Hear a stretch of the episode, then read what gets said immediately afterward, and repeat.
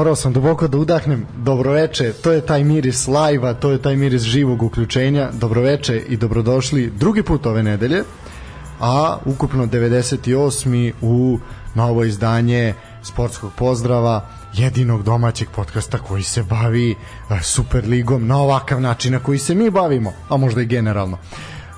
Dobroveče, evo, kao što rekao, konačno, konačno smo uživo ponovo na talasima Daška i Mlađe internet radio talasima tako da sada više nema ispravke sve što kažemo biće zauvek zabeleženo kao da smo do sad ispravljali, naravno da to nismo radili, ali mi radimo sve ozbiljno i uvek kao da je uživo.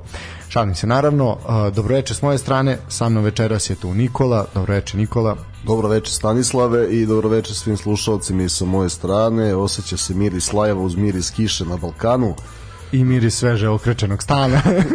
Dobro, pod, kada ih već nije bilo toliko dugo, potrudili su se da nam omoguće adekvatan interijer, stoga im se zahvaljujemo i naše je da još bolje i ažurnije radimo. Tako je, lep je, lep je stančić, malo je manji nego onaj prethodni, ovaj, ali, ali je zaista, zaista jako lepo i onako veće, veće osjećaj kao kod kuće, znaš, ono, it's coming home, što bi neki rekli, ili se nadali makar. Što bi rekli u kolevci futbala. Da. E, da, e, vanredno kolo je iza nas, delimično, ovaj, posljednja utakmica ili većinski, posljednja utakmica se igra trenutno i počinje drugo poluvreme. vreme između, na Banovom brdu između Čukaričkog i Mladosti iz Lučana, tako da ćemo krajičkom oka pratiti dešavanja na toj utakmici dok budemo komentarisali sve ono što se dešavalo u utorak i sredu, naravno sa najvećim akcentom na 168. večitom derbiju, ali verujte bilo je još mnogo, mnogo ove, zanimljivih i lepih stvari i situacija koje su se desile izuzev samog samog derbija. Uh, kao što rekao, utakmica na Banovom brdu, 2-1 je za Čukarički, kratko samo, znači strelac prvog gola bio je ko drugi nego Bojović, čovek igra kao Srpski da ima Romario, rekli smo. Rekli smo kao da ima 15 godina manje u najmanju ruku. Uh, I to je bio strelac iz igre nakon asistencije Gordića za 1:0. Uh, brzo je Čukarički izjednačio, a zatim i preokrenuo pogodcima Badamosija, čovek nema šta, naj najbolje izgleda i najefikasnije pojačanje ekipe sa Banovog brda e, na sjajne, sjajne asistencije Ovusua. Uh, idemo redom idemo redom da, da pozdravimo samo da. i povratak Đorđe Gordića u formu nakon uh, jednog slabog evropskog prvenstva za mlade i što nije bio sa ekipom tokom pripremnog perioda, tražio se jedno vreme. To se osetilo, da. I kako, kako se podiže i Đorđe, tako se podiže i mladost. Tako je, osetilo se da ovaj da onako još uvek umoran i falila mu je ta neka neka svežina, ali definitivno se i on vraća tamo na, na, na kažem na taj nivo koji je od njega očekivan. Pre nego što pređemo na utakmicu, eto to prvenstvo konkretno uticalo je loše na dosta igrača. Recimo Stefan Leković je promašio penal na 6-0 za Crvenu zvezdu, Nemanja Motika ne igra, Mihajlo Ilić, od kojih su se očekivali ove godine minuti, ne igra, Ajdar se traži i sada ne nabrajamo, tako da jedan, koliko jedan turnir kao Novi Zeland može da podigne određene karijere, toliko drugi može da, da spusti. Nadamo se da će momci što pre pronaći formu, jer individualno svi imaju talenta, tu nema sum. Tako je, ovaj, a pazi, zaista im je naporna prethodna sezona bila jako malo odmora, oni koji su učestvovali na prvenstvu gotovo ga nisu ni imali, i onda odmah nastavak, uh, tačni početak sezone gde je raspored zgusnut zbog znamo već čega, uh, svetskog prvenstva i onda još imaš takav turnir kakav imaš koji je onako bio stresan, naporan, težak i jednostavno negde je to bilo i očekivano za te mlade momke, ali raduje što se što se ove vraćaju na na pravi put. Uh, ja bih još jednu stvar samo da istaknem pre nego što počnemo ovaj sa jedna stvar koja mi je zaparala uši i to je možda i jedina koja mi je zaparala uši za ovaj što se tiče ovog kola i ovih dana od ponedeljka do do danas, a to je odavanje počasti Milutinu Šoškiću. Sve je lepo, svaka čast i u svim klubovima koji su održali minut ćutanja i pozdravili i ovaj moment na derbiju gde su igrači izašli, to je sve lepo, ali bih samo jednu stvar zamerio, a moram, Milutin Šoškić jeste rođen u, u Peći na Kosovu, to sve stoji, on je stalno isticao to zaista jedno teško, ali m, iz njegovog ugla i perspektive lepo odrastanje na Kosovu. Ali zašto mi moramo to da pretvorimo odlazak takve futbalske veličine i takvog čoveka prvo i pre svega da pretvorimo u taj neki jeftini jeftini patriotizam koji se prodaje i zašto zašto se to ističe u prvi plan zašto se ističe kakve su njegove izjave o Kosovu bile a ne o nečemu drugom čemu to čemu znaš, jako je to, jako je to ružno, a sa druge strane isticanje da je on legenda srpskog futbala. A Milutin Šoškić je ipak nešto malo šire. Milutin Šoškić je neko ko prevazilazi granice ove naše sužene domovine, neko ko zasluž, je zaslužio poštovanje i dobio ga je od Vardara pa do Triglava, a bogami i duž severnoameričkog kontinenta, a bogami i nemačke nemačke države. Tako da malo, malo ovaj malo to nije bilo u redu i negde je to mene onako zapeklo, ali dobro, okej. Okay. Nisu znali, naučit će.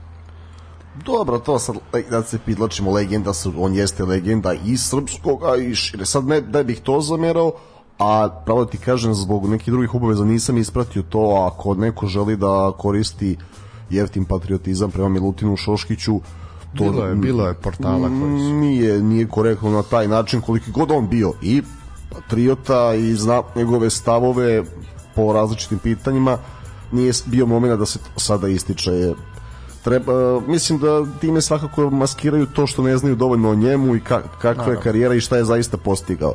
Član tima sveta kada je to zaista vredelo. O Tako. tome što više. Tako. O tome što više ako želite o, o šoletu ali ja bih ipak jednog ove, sada se prebacimo na veselije teme i na evo našeg eh, ovo sezonskog heroja na klupi, a to je Vladimir Gaćinović.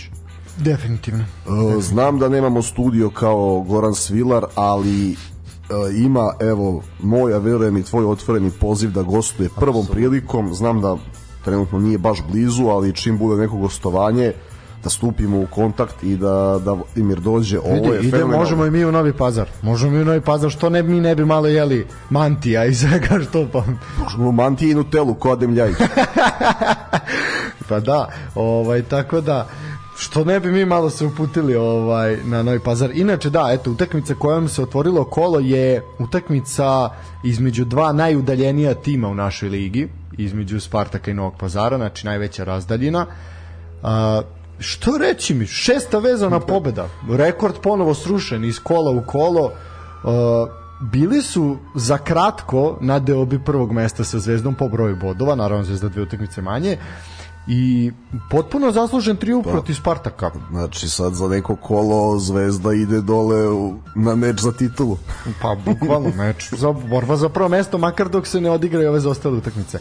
Što se tiče Spartaka, Spartak je poprilično anemičan na gostovanjima i tako su delovali i u Pazaru. Uh, moglo je to da bude mnogo više ovaj od 2:0.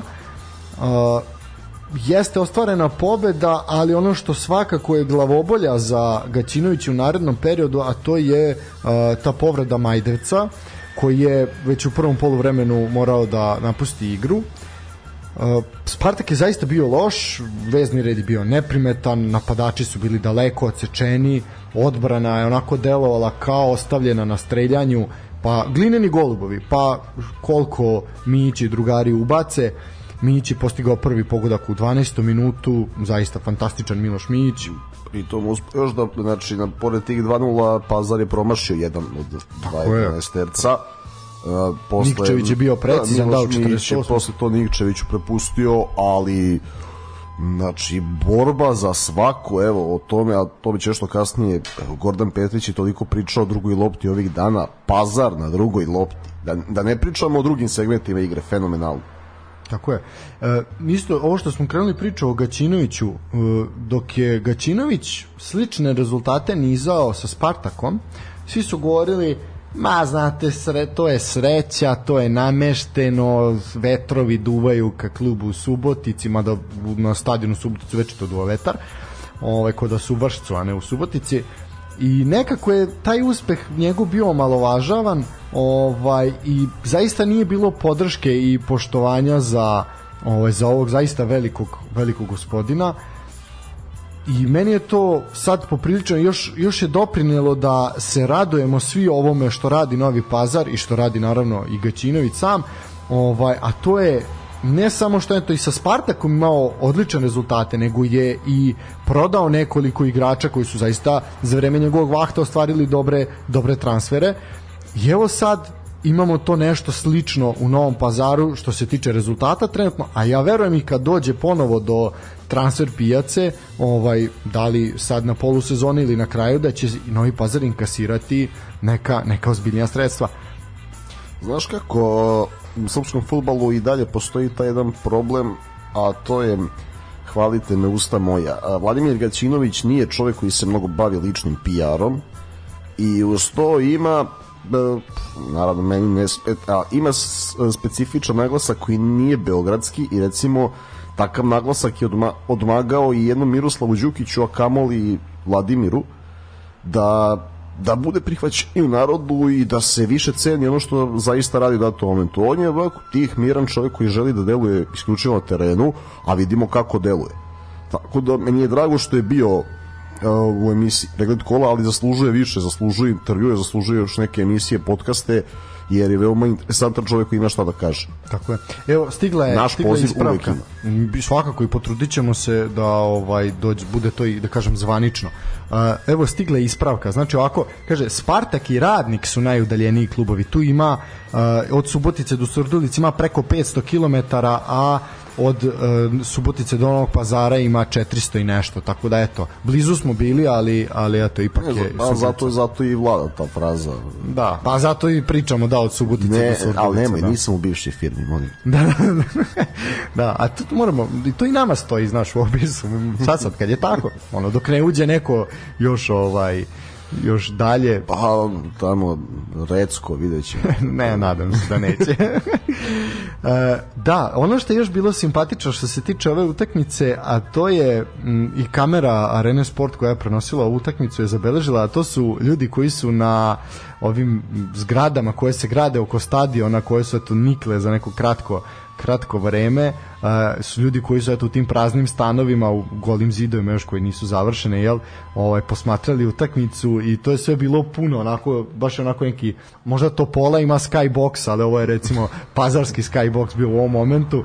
Zaista je bilo onako lepo i simpatično i opet ta priča tuga što nema navijača ali nadamo se, nadamo se. Jedini ljudi koji su bili na tribini, ovaj na istočnoj tribini koju je ta kamera ovaj mogla da kamera Rensport mogla da uhvati, to su bili prvi ljudi kluba, to je Rasim Ljajić i Fikret Međedović, ovaj koji su zaista uživali u izdanju svojih momaka i ja verujem da onog momenta kad bude dozvoljena publika da zaista neće biti prazne stolice na na stadionu da će to biti puno i da će goreti. Pa se to sigurno ne, nema teorije da bude. Nikada nije i bilo tamo. Koliko znam da je Pazar je uložio žalbu FSS u vezi te kazne, traže to smanjenje. E sad još uvijek se tu niko nije ništa oglasio, tako da čim nešto bude svakako ćemo svakako ćemo obavestiti, ali zaista zaista je ovo lepota, lepota za gledati i još mnogo mnogo lepše bi bilo kad bi bilo kad bi bilo publike na stadionu. Mislim, ponavljamo se sad malo, ali, ali jednostavno je tako. To je nekako najveći utisak. Naš svet je tu, samo fale ljudi na tribinama. A, dobro. A da se, šta ćemo, malo se ponovimo, ali da se ne bi spodnavljali, uh, idemo malo do Kruševca, gde je, ko čeka, taj i dočeka. Duli Đorđević je zabeležio prvu pobredu sa ekipom napretka.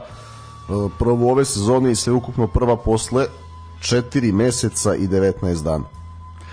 Tako, a, promjena formacije urodila plodom, ekipa mladosti i trener Aleksandar Linta se nisu snašli, eto, još je, ostalo je samo da ga da El Matador, Bojan Matić, ali rekli smo da se napredak podiže postepeno, znači, u prethodnim kolima nije bilo dovoljno, ali nije bilo loše kao na samom startu. Evo sad je došla i ta pobeda za uzdanje i sada, sada kada, kada imamo nešto nešto bolju i, pa i surdulicu i napredak, znači još čekamo re, reakciju uh, Linte i Gata da show bude kompletan. Samo je pitanje da, da li ćemo dobiti neku reakciju. Da, rekao se, 4 meseca i 19 dana zaista mislim da je 11 kola pro, prošlo od kako su od kako su pobedili zadnji put. Uh, na šta sam... broj kola sigurno. To... Da, 11, 11 je bilo ovaj uh, šta bih rekao, dve ograničene ekipe, zaista, Uh, malo je tu bilo nekih smislenih akcija i nekih pravih šansi. Nije utakmica bila lepa za gledanje. Uh, Đorđević je menjao formaciju vratio je tri štopera. Prvi put bez klasičnih krila na primjer u meču, to ono što sam ja video. Uh, ovo, da Matić je bio najistoreniji nije postigao pogodak, ali je to uradio Marko Šarić koji je bio taj neki polušpic uh, negde možda čak ta postavka iznenadila Lintu, možda to nije ni očekivao. Sigurno nije očekivao, a opet ima dovoljno svojih problema. Ne, ne idemo, istina, da. Ne idemo ove godine u dva kluba, koliko god je sa Voždovcem bilo lepo, pre toga u Kragujevcu, veliki uspeh i fantastična igra za, za gledati toliko ove godine neprepoznatljiv. Znači, ne vidimo, ne vidimo onaj Lintin pressing koji je imao u svim timovima koje je trenirao. Da, ali mislim moramo na, na ono što je bitno za reći, napredak se ozbiljno ozbiljno pojačao. Znači stigle su neka zaista zvučna superligaška imena. Bojan Matić, Bastajić, Putinčanin, znači sve su to momci koji onako donose ipak jedan jedan kvalitet i sad kad malo to sve selo na na svoje mesto, onda dobijamo i prve rezultate ok, ilo, išlo je postepeno, pričali smo o tome, prvo su sredili odbranu, pa je išlo se, jel, ajde da ne primimo gol, pa sad smo ga i dali, pa dali smo dva komada, ok, A, ali sad smo i pobedili. To je isto tako dokaz da nije za sve kriv trener. Naravno i da ga ne treba, ne treba seći posle par kola. Jer je Đorđević je mogao da prođe kao Lint. Pa ajde, ovo sad kad se otvorio ovu priču, da mogao je. Uh, imali smo situaciju, ja bih moram spomenuti ovo Feđu Dudića i ovo e, da. To sam hteo to, za da. rubriku izjava nedelje. Da, možemo odmah otvoriti Evo, kad već pričamo, da. Feđa Dudić. Nakon to je konferencija za medije, ovaj nakon što je Sarajevo uh, vezalo nekoliko loših rezultata, imali su ovaj onako jedan prvo šokantan poraz od Tuzla City, a pa su igrali nerešeno, ovaj pa su onda još jedan poraz je usledio i sad je nerešeno bilo sa Željezničarom 2-2 gde su gol primili u 96. minutu od sa igračem manje. Sa igračem manje, da. Ovaj i šta je Feđa Dudić rekao?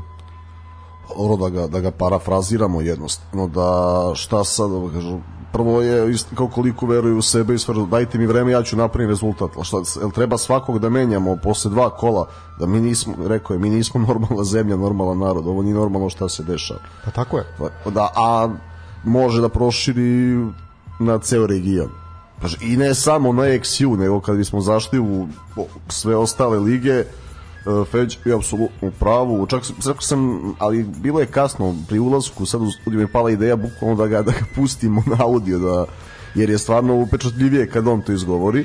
Pa da, zato što je bio onako u, u žaru ovaj posle, posle svega, ali... Svakako najperspektivniji trener uh, Bosne i Hercegovine koji bi sigurno mogao da napravi karijeru u inostranstvu, a pazi ja, ja bih voleo da nakon Sarajeva klubovi Superlige razmisle o angažovanju Feđe Dudića. Znači, da. klubovi iz gornje polovine tabele sigurno imaju neki budžet ili platu kao Sarajevo mu mogu dati. Definitivno. I da. kada sa Sarajevom dostigne neke limite, ne vidim zašto Feđa ne bi radio u Čuki, u Vojvodini, u TSC-u u nekom momentu kada za to dođe vreme. Poenta je, poenta je ta izjava i to sve, znači da se nakon dva, tri loša, četiri loša rezultata. Pa pazite, Gaćinović je vezao loše rezultate na početku sezone. Šta bi bilo da je nakon trećeg kola dobio otkaz? Šta bi se onda desilo? Znači, ako su pustili čovjeka da radi i čovjek je vezao šest pobeda. Znači, isto tako i Đorđević je postepeno, a bilo je ljudi koji su zagovarali da isklanjajte ga, on nema pojma. Ali što je bitno koliko jedna utakmica promeni sve. E, Naravno. Protiv koga je zabeležio prvu pobedu Gaćinović? Partizan. Protiv Partizana, tako je. I onda, znaš, ako možemo pobedimo Partizan, ajmo jedan, i onda još dva, tri, četiri, pet, evo šesti, da li će da stane, možda i neće. No, što mu ja svakako želim. Uh, ono što je jako bitno je što se, na primjer, u, situaciji sa Gaćinovićem jako ili bilo gde, naš, pa na kraju se zapamti samo rezultat. Niko neće reći da si ti odigrao bar bar utakmicu na krovu sa voždocem gde si imao šanse gde je Krunic spasio sve i svašta. Ok, jeste voždoc bio bolji za taj jedan gol, ali na primer, eto oni su mogli da otvore prvenstvo sa, sa pobedom. Naš, tu je isto moglo da bude. Mogli su isti taj Partizan da natrpaju da bude 4-0.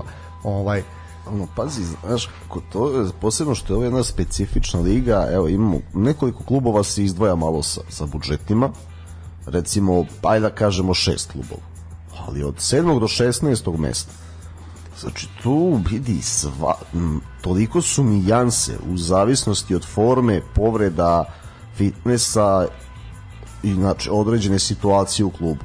I sad, i iznenadnih odlazaka, jer pazi, klubovi od 7. mislim i bolje plasirani, ali svi kada dođe ponuda od nekoliko stotina hiljada eura prodaju igrača, jer jednostavno to im znači za opstanak, ulazi novac u klub, da li ćemo i kada dovesti zamenu, vidjet ćemo, ovo moramo da uradimo, da isplatimo plate i tako se stvari dešavaju ovde.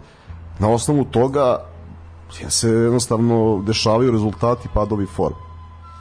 O, da, ovo je odlično. Tamo si završio rečenicu u pravom momentu. Kakva bomba na Banovom brdu, 64. minut, Samuel Levusu nakon što je asistirao Badamosiju, čovjek je povukao loptu negde iskosa sa, sa desne strane, napravio nekoliko driblinga, sebi otvorio prostor za udarac i kako matirao golmana mladosti 3-1, kakva gol. Ovo može ući i siguran sam da će ući u izbor za najlepši gol kola. Zaista je zaista je kako si se uhvatio za glavu mislio sam da je nešto s miksetom ne, da da o bomba bomba zaista fantastičan pogodak Čukarički vodi sa 3-1. E, što se tiče ove utakmice u napretku u Kruševcu napretka i mladosti, Uh, naj opet agilniji u ekipi gostiju je bio Andrija Radulović koji je onako m, imao možda i najbolju najbolju ovaj šansu za za goste, ali jednostavno nije to bila ni neka baš tako izgledna šansa, ali jednostavno on je bio nekako opet u fokusu i od njega se najviše očekivalo, ali jednostavno ne može on ne može on sam to sam to da gura. Uh, što se tiče ovaj toga, na primjer koliko je domaći tim izašao jako visoko, to je to činjenica da je prvu pretnju po gol Milojevića imao štoper Đeković kada je sjajno uposlio Šarića, ovaj uh, ovaj gađao preko gola. Eto, imamo i šansu, tačnije pogodak gde je Krstić asistirao lepo iz centar, centar šut iz slobodnog udarca sa desne strane, a Šarić se dobro postavio iz razliku od prethodnog puta, jel, koji sam napomenuo, bio je, bio je precizan. Moglo je to da dođe i do veće prednosti, bilo je tu još lepih centar šuteva nakon prekida, ali eto, Putičanin je na primjer bio neprecizan jedan put, uh, Šarić je ponovo ima jednu šansu, ali onako to je lopta je prošla pored stative, zato onako, zaista je napredak bio bolji, moglo je tu možda još koji gol, ali dobro, prihvataju pobedu, siguran sam u Kruševcu i onako siguran sam da se sad malo lakše diše i već će pritisak u narodnoj utakmici biti biti malo manji ma šta, oni deluju kao da, bez obzira na to kao da znaju šta rade da će su uspon doći, tako su ponašaju. Mm, da, ni, ne, atmosfera oko kluba nije takva kao da je kriz. Ne, nema, ne izazivaju paniku u javnosti. I shodno tome došla je pobeda, verujem da će doći još neki. Tako da, eto, toliko napretku za ovu emisiju, ništa opet to nije spektakularno, mislim da je zanimljivije da pređemo na Vojvodinu. Na Vojvodinu i kao što smo ovaj, rekli da evo krenuo bih opet od publike. Da, negde oko 4000 ljudi je bilo, a radni dan, pazi utorak. Pazi utorak, radni dan. I to ono što smo rekli da on, tim nekoliko remija ne treba da poremeti tu dobru energiju. Nije poremetilo, Veljko Simić se vratio na teren i bilo je jasno i očekivano kao što smo i prognozirali da će Vojvodina da savlada radnički. Da, e, ja sam bio prisutan, prisutan na stadionu i zaista je bilo bilo fantastično, lepa lepa predstava, jako lepa atmosfera, jako puno dece, jako puno dece koje su zaista uživale onako sa ovacijama i osmehom na licu ispratile bravure domaće ekipe. možda i onako najjedna zrelija partija ovaj Vojvodine eto, prekinuli su tu seriju Remija o kojoj smo pričali u prošloj emisiji, uh, pobedili su posle tačno mesec dana i sa ova tri boda su se svakako malo popeli na tabeli. Uh, radnički u kanalu, radnički u knockdownu i nikako da se oporavi posle, posle te gzire. Sada kažem, imali su, imali su te neke dve pobede, ali onda opet, opet kanal. Uh, svakom slučaju protiv mladosti u narednom kolu će tražiti tražiti bodove, siguran sam i mislim da će on pobeda biti imperativ. Što se tiče samih strelaca, bilo je 3-0. Uh, Baraj je u 22. minutu uh, nakon što je neko, mislim Kabić pogodio prečku, bio sam dosta udaljen pa moram priznati da nisam nisam video. Uh, Kabić je mislim pogodio prečku, Baraj je posle ovaj lepo reagovao, 22. minutu bila je 1:0. Ko drugi nego Veljko Simić u 50 prvom za 2-0 i onda momak koji je ušao u igru, to je mladi Nikolić u 82. minutu je postigao pogodak, pritom to je momak koji ima ozbiljnih zdravstvenih problema i u prethodnom periodu gde su e, mnogi, mnogi lekari, stručnjaci, specijalisti rekli da on treba da batali profesionalni futbal. Međutim, zaista se u Vojvodini strpljivo radilo sa njim, što medicinski tim, što uh, treneri naravno, i stručni štab i zaista eto momak je bukvalno pri prvom dodiru sa sa loptom u nakon što je ušao u igru postigao jedan jako jako lep lep pogodak. Tako da eto ovaj i videlo se koliko to koliko to njemu onako znači koliko je izrazio svoje emocije kroz kroz ovo to slavlje. Zaista svaka čast i jedna lepa jedna lepa fudbalska i sportska priča i nešto zbog čega je sport mesto gde pravda i trud na kraju ipak ipak pobede. Uh, ovacije za igrače i za trenera Rastavca, to je nešto što je bitno napomenuti i vidi se da Novi Sad uživa i željno iščekuje svaku utakmicu uh, Vojvodine na Karadžorđu a imali su i specijalnog posmatrača pored pored 4000 ljudi. Toliko smo ga prizivali, evo ga. Došao je. Došao je. To je to, kakve su ti misli, takav ti je život. Ako misliš Lala će doći u Superligu, Lala će doći u Superligu. Ne možemo ni mi bez njega, ni on bez ne nas i nemoj više da se foliramo i da on ide u Arabiju, u Banja Luku, njemu je mesto ovde i čekamo da, da preuzme neki klub, da se ponovo družimo. E sada, Milan Rastavac ovaj, pohvalio navijače, rekao je da su doživjeli posebne ovacije njemu kao starom navijaču pre svega Vojvodine, a potom i treneru to veoma znači. E, Vojvodine, znaš kako bilo je nekoliko godina apatije željni su futbala željni su kvali, e, kvalitetnih igrača i željni su Evrope mislim da je sve ovo što se dešava u Vertira samo ako potraje godinu dana Znači, stadion će biti prepun u kvalifikacijama, pošto ne sumnjam da će da budu top 5 i da igraju, jel? Po ome, ako nastavi se ovako, da. E, znači, o, oni se već sada spremaju za to. E, sad šta mi nije jasno. E, ponovo, imam utisak da svaka tri dana dovode krilo ili ofanzivnog vezistu. Evo, Danas uh, smo videli informaciju da je Nikola Čumić potpisao ugovor na tri godine. Povezivao se u prethodna dva meseca kontinuirano sa Partizanom. Sad, ne znam, navodno navijači Olimpijakosa nisu dozvolili. To je neka priča, da. Man. Ne, mislim da je pozadina druge prirode zbog nekih prethodnih transfera, ali nije to tema za ovu emisiju. Čumiću želimo dobrodošlicu u Novi Sad. Radi se o igraču koji nesporno ima kvalitet ali ne vidim sada gde e, ko da ispostaje gde igra Čumić, šta igra Čumić recimo znam možda šta je bila ideja da je, igra ako dođe u Partizan recimo u formaciji Petrićevi recimo pozaja bude desni wing back pa da širi, a da Diabate sužava igra uže tamo gde želi. Šta će da igra u Vojvodini? Ne, nemam predstavu evo. Vidjet ćemo koliko sledeće kola.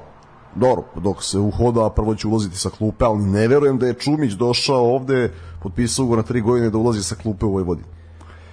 Vidjet ćemo šta se sprema. Pazi, šta? nije, nije isključeno da bude i nekog odlaska u Vojvodini. Naš. Dobro, ima, ima još prelazni rok i ovde traje. Pa da. Sada ne znam, ne znam ko.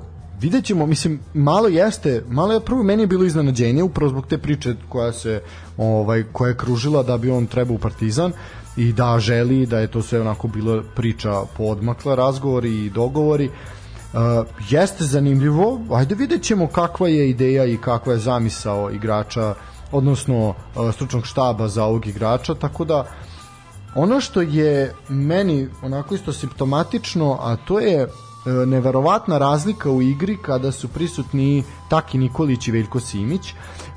Ono što upravo kažeš, opet kažem, ne verujem da igrač poput Čumića doveden da igra kad Simić ne može da igra, na, ili ono na, malo mi je to hm, ovaj čudno, ali ajde, i zaista se ovaj videlo ova dvo, izostanak ove dvojice se pogotovo video u Surdulici, ovaj da eto, čak i takav tim u takvom problemu kao što je sada radnik, da može da bude prevelik zalogaj. Uh, eto, Simić je tu utakmicu propustio zbog onog crvenog kartona, a Nikolić ima manju povredu, tako da Be, ne samo što je bilo nerešeno, što je bilo 1-1, nego je falila onako i energija, falila je ideja, bilo je, falilo je tih nekih ovaj kreativnih rešenja i jednostavno oni, oni su... Koja taki uvek ima, jer što, bi, što bi rekao jedan moj prijatelj, joj da nije Bitanga igrao bi u Betisu. Tako da, tak je uvek zanimljivo gledati jednostavno njegov, njegov osjećaj za, za igru, razum, povezano sa veznim redom i krilima, uvek imaš mogućnost, znači napravi pravu kretnju, pokušat će ti da pas.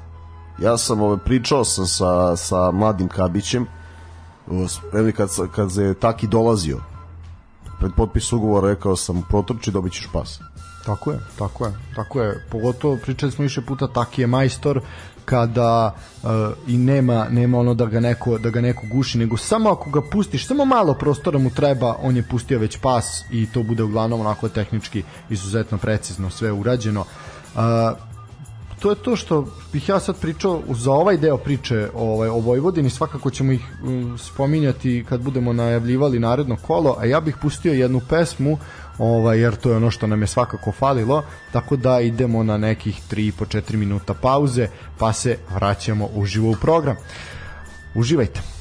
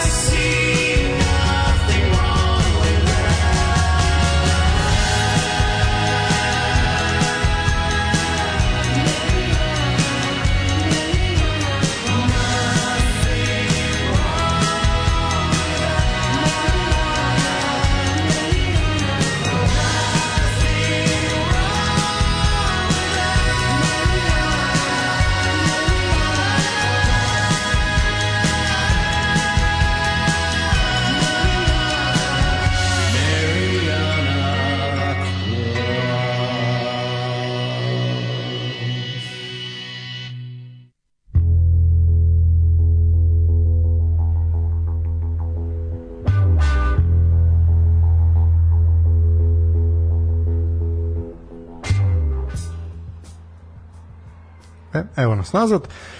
Nakon kratke pauze, uh, znaš, ono kao sad malo slušamo muziku i bože koliko je ovo falilo i kako, kako uživamo u novom studiju. Uh, moramo sad da hvalimo malo kada se vidi da a jeste nam stvarno falilo ovaj a dobro pazi ja nisam bio redovni učesnik lajva tako da. ja, ja pazi ja sam i kao gledalac i kao učesnik emisije navikao sam na ovaj Anđus format 2 sata i udri, znaš, tako da meni je ovo s muzikom po, blagi poremećaj, ali navikavam se polako.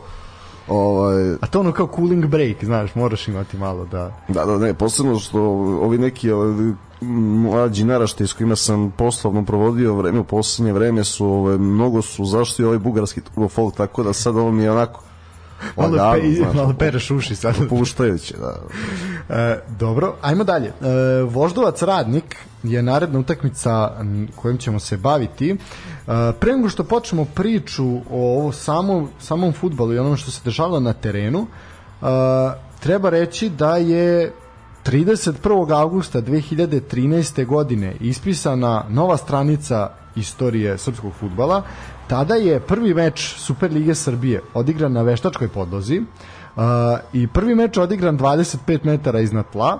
To je uh, prvi zvaničan meč na jedinstvenom stadionu o kome zaista i dan danas pišu svetski mediji, a to je stadion futbolskog kluba Voždovac, to je stadion na krovu tržnog centra I kada je prvi put predstavljen projekat o izgradnji ovog stadiona na krovu tržnog centra, sve je delovalo kao zaista onako jedna nemoguća misija, kao nešto što je nerealno i što se neće ostvariti i zaista tog 31 ovaj avgusta se skupila onako jedna lep, jedan lep broj beogradske publike da posvedoči otvaranju ovog svetskog svetskog čuda. Ja se sećam te utakmice a, između Voždovca i Jagodine, Jagoda, Jagodina tada osvajač kupa Srbije i zaista je to bila jedna jako lepa utakmica i jedan fantastičan objekat koji i dan danas jako lepo izgleda, lepo se to održava i zaista je nešto što treba da se neguje jer po ome smo zaista zaista onako posebni i imamo čime da se ponosimo. Uh,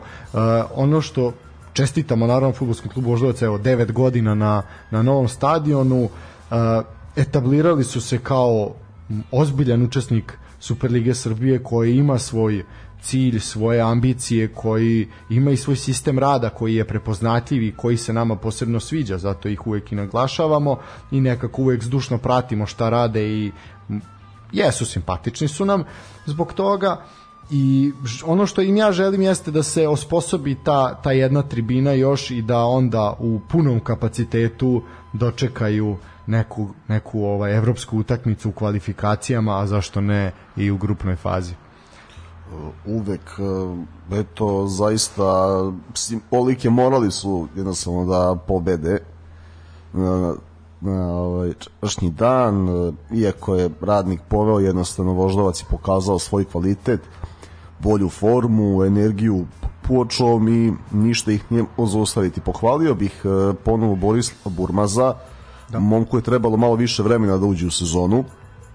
Jasno se video osjećaj za igru, e, razumevanje sa krelim futbalerima, u prvim kolima to nije što savršeno, vidimo da sada bolje funkcioniše, bio je ponovo strelac i jednostavno nakon ovog gola krenuli su samouvereno ka pobedi.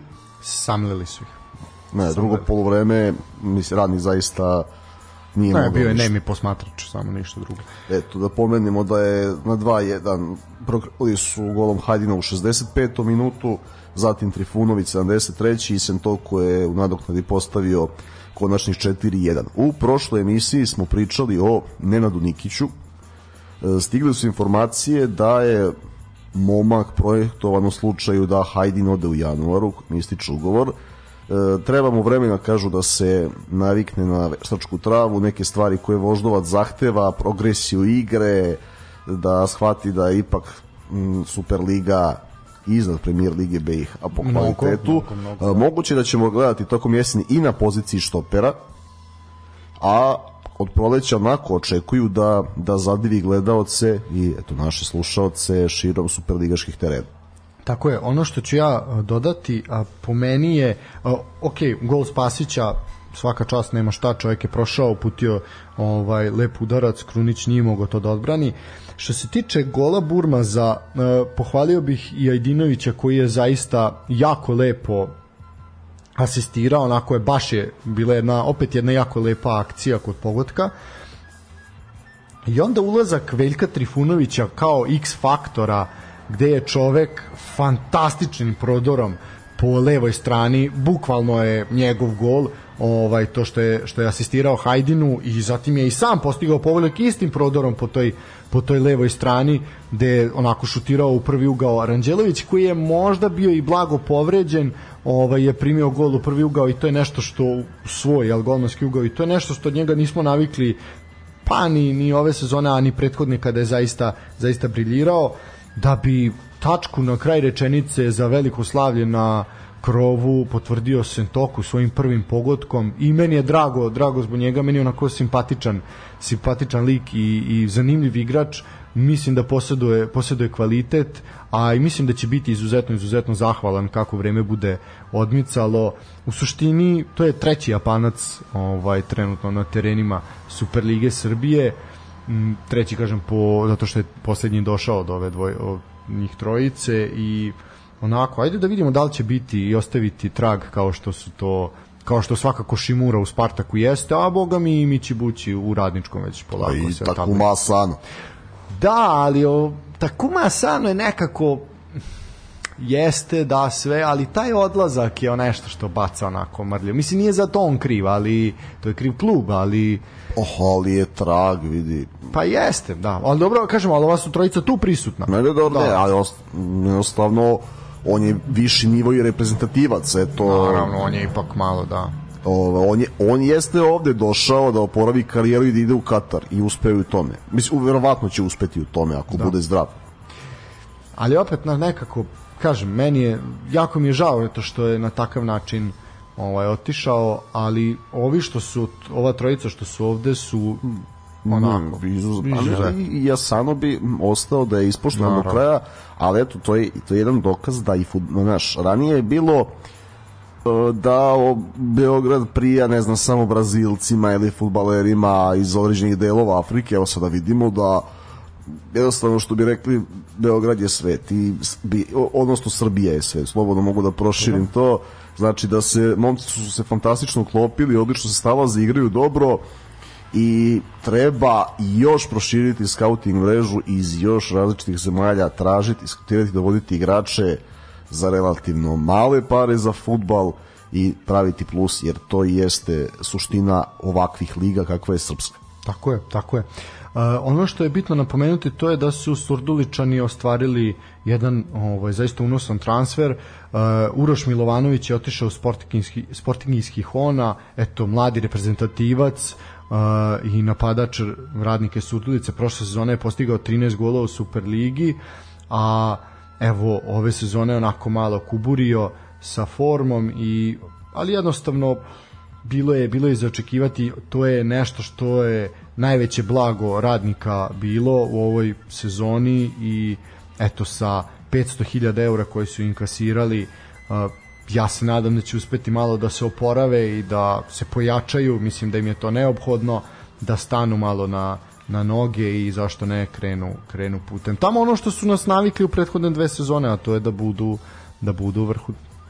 Dobro, i ne, ne samo dve i, i pre pa, toga i pre toga su oni igrali ono, legitimno, bili su prepoznatljivi pravili su svoju scouting mrežu i imali su pečat.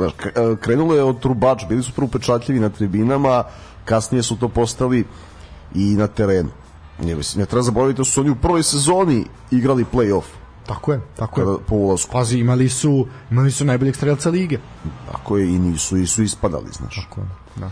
E, e sad, još jedna bitna, bitna vest što se tiče ovaj, Voždovca, to je da je e, do još jedan uh, još jedno bitno pojačanje ovaj je sletelo na krov, a u pitanju je novi sportski direktor uh, Bojan Leontijević, uh, jedan mlad, mlad momak koji je nama ostao svima u sećanju kao sportski direktor Metalca iz Goren Milanovca, gde je ovaj, doveo Žarka Lazetića kao trenera, na primjer, afirmisao je nekoliko mladih, mladih igrača i ja mislim da je ovo logičan, logičan sled u njegovoj karijeri da sada ovaj nađe svoje mesto i da doprinese razvoju kluba kao što je Voždovac i član stručnog štaba fudbalskog kluba Partizan još iz prvog mandata Miroslava Đukića.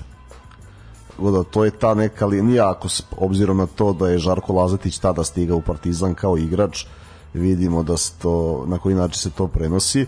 E, ogromno pojačanje za Voždovac, mladi ljudi koji rade u Voždovcu mogu mnogo da nauče od Bojana, eto nam tamo još jednog potencijalnog gosta, malo sam zaboravio na Bojana od kad je metalac e, ispao, da. ispao tako da to je ono na čemu ćemo bar smatra da treba da radimo u narednom periodu i da pokušamo da se dogovorimo. Izuzetno mi je drago što je tu, što je prisutan i meni, meni ovo govori obzirom, pazi, na stanje na terenu, pojačanja koja su stigla, Blues Bojan kao sportski direktor, imaju još nekoliko dana, možda da reaguju ako da vide na tržištu plus januar, meni ovo govori da Voždovac želi Evropu. Pa meni je to bilo jasno da Voždovac želi Evropu na samom početku sezone, ali bilo je tu nekih čak koji su i u našem studiju govorili kako Voždovac nema ambicije, Voždovac i tekako ima ambicije, pogotovo nakon onoga što je bilo u završnici prošle sezone gde je Evropa izmakla ovaj za onako malo, malo je tu falilo i sreće. Znaš, neke utakmice koje su onako završile 0-0 ili 1-1 mogle su da odu na, na stranu Voždovca, ali dobro, vratit će se sve to, vidi, samo treba... Voždovac je uvek imao ambicije, otkad su se vratili u Superligu, ali oni nikad nisu hteli preko hleba pogače i ja to poštujem. Naravno, ali kada... Doći će, doći, ja, oni će prije kasnije izaći u Evropu i doći će njihovih 5 minuta, to je, pazi, to je sigurno, moraš tako sa načinom rada vratit će ti se. Tako je. E, pa to je to, znaš, svi kažu, znaš, voždovac radi mirno, tiho, znaš, nema tu neke velike pompe, nekih onako senzacionalizma, nego radimo, gledamo u svoje dvorište, radimo, trudimo se, napredujemo, gledamo da da svaki naredni period i presek stanja bude bolji nego onaj prethodni na svakom nivou, ne samo ne samo što se tiče terena nego i marketinga. Ja moram pozdraviti jednu jako lepu akciju, a to je ovaj povratak u škole, jel da su klincima bili bili podeljeni poklon paketi i to je to je meni sasvim super i ja mogu da zamislim i sebe kao klinca da mi je neko došao i rekao dao neki simbol kakav god paket da imam grb, grb mog lokalnog kluba na svesci ili na olovci ili šta god, pa to je taj klinac sigurno danas nije plako što je išao u školu iako je padla kiša. ovaj. vidi, vidi, bolje da dele to ljudi iz Voždovca nego Goran Vesić, tako da... Definitivno, da, tako da u svakom slučaju je, je to bolje. Uh, da, pa što se tiče Leontijevića, on je uh, i profesor na fakultetu za sport i fizičko vaspitanje u Beogradu, bio je, rekli smo, pomoćni trener i u, u stručnom štabu Marka Nikolića, tako kad je uzeta titula? I da? u nekoliko stručnih štabova Partizana. Ne, nije kad je uzeta titula, tada je već ne, bio u prvom mandatu Markovom. Dobro. Kada je kada nesrećno nije uzeta titula, a kasnije se otisnuo u Metalac. I pa mislim izgrađena dobra priča o Metalcu, ali jednostavno otišli su na prvu ligu Srbije, nije bilo dovoljno ambicija, sredstava, jednostavno pokušali su određenu vrstu money bola da ti dovedeš igrače iz treće lige da ih Lazetić optimizuje to može jedno vreme, ali ne može uvek. Da, pa to imamo primer, primer rijeke koja se sad pati zbog pa da, jer, jer da imaju ambicije, ali Antijević bi dalje bio tamo. Tako je. Voždovac je iskoristio priliku i sad, sad će biti još zanimljivije pratiti. Apsolutno. Uh, idemo u Ivanjicu.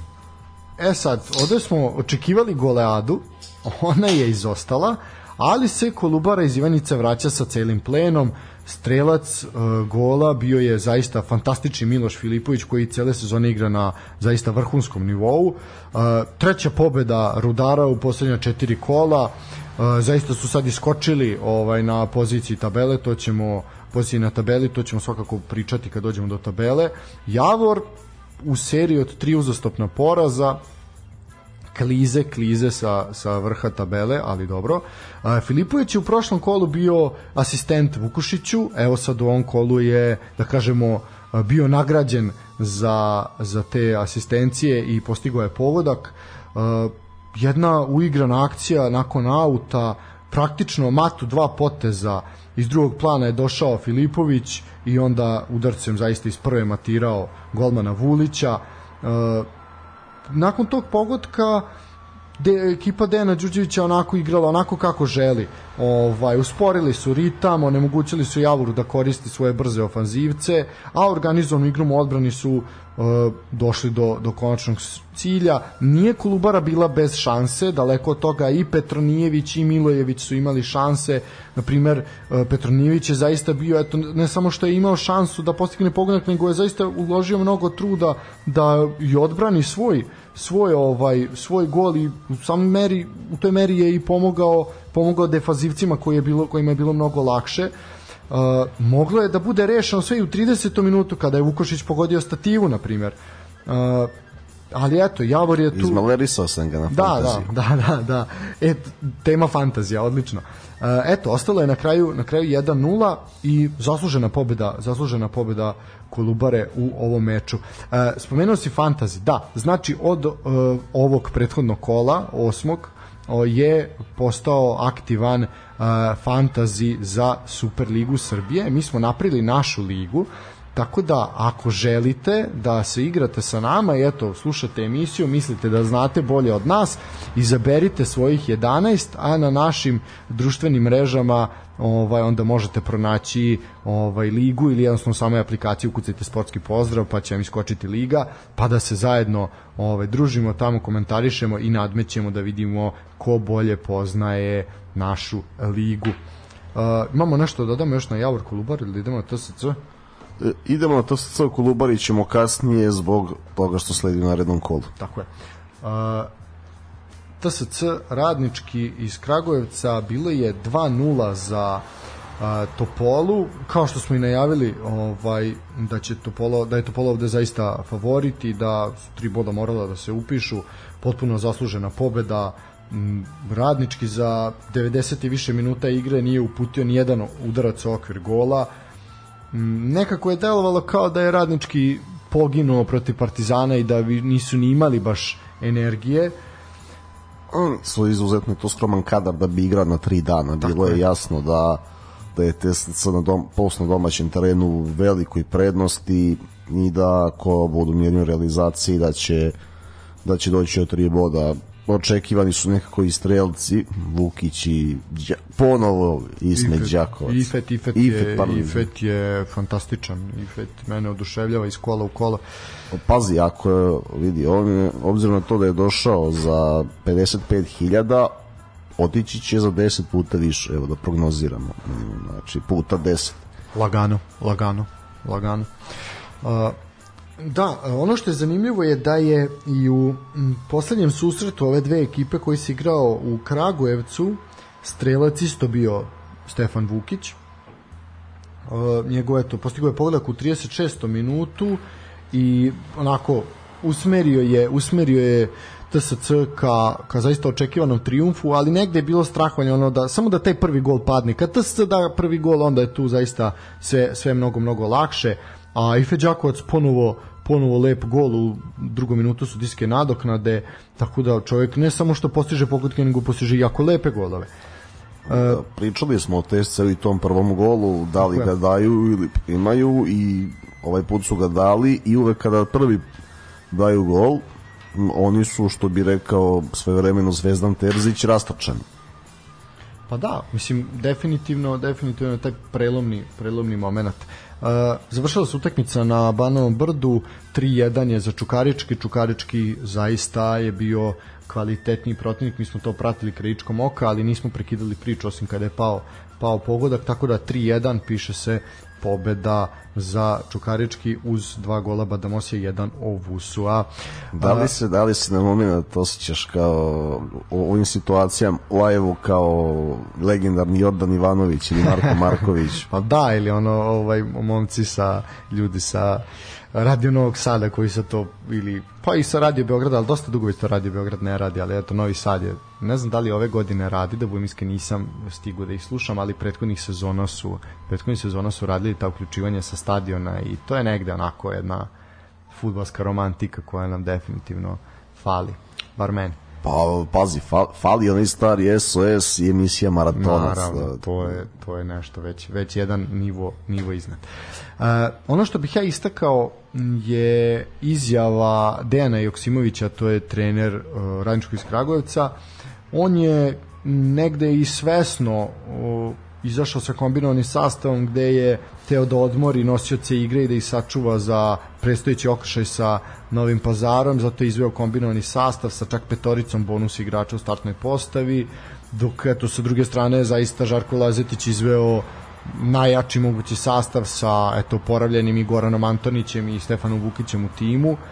I što se tiče tog prvog pogotka e, Miloš Cvetković je zaista jako jako ovaj lepo lepo reagovao i uočio Stefana Vukića i zaista Cvetković bio jedan od borbenijih na primer u Subotici i na meču između TSC, na Spartaka i TSC, tako da negde i to, i te, zašto ovo sve napominjem koji prethodni put, na taj negde trud, rad i zalaganje i sve, ono, morate dovesti i nagraditi ovaj, u, nekom, u nekom momentu. Tako da, pa, vidi, ajde, ovaj, rekli smo suštinu sada, mislim da je vreme za još jednu pesmu Tako je. i da pređemo na centralnu temu emisije. Tako je. Ja ću sad izabrati nešto iz naše bogate fonoteke, što bi rekli. Mm, I evo jedna pesma koju sam čuo pa čuo sam ne, gledajući jednu utakmicu engleske premijer lige, tako da ću je pustiti, a vi uživajte. Jedan klasik je u pitanju.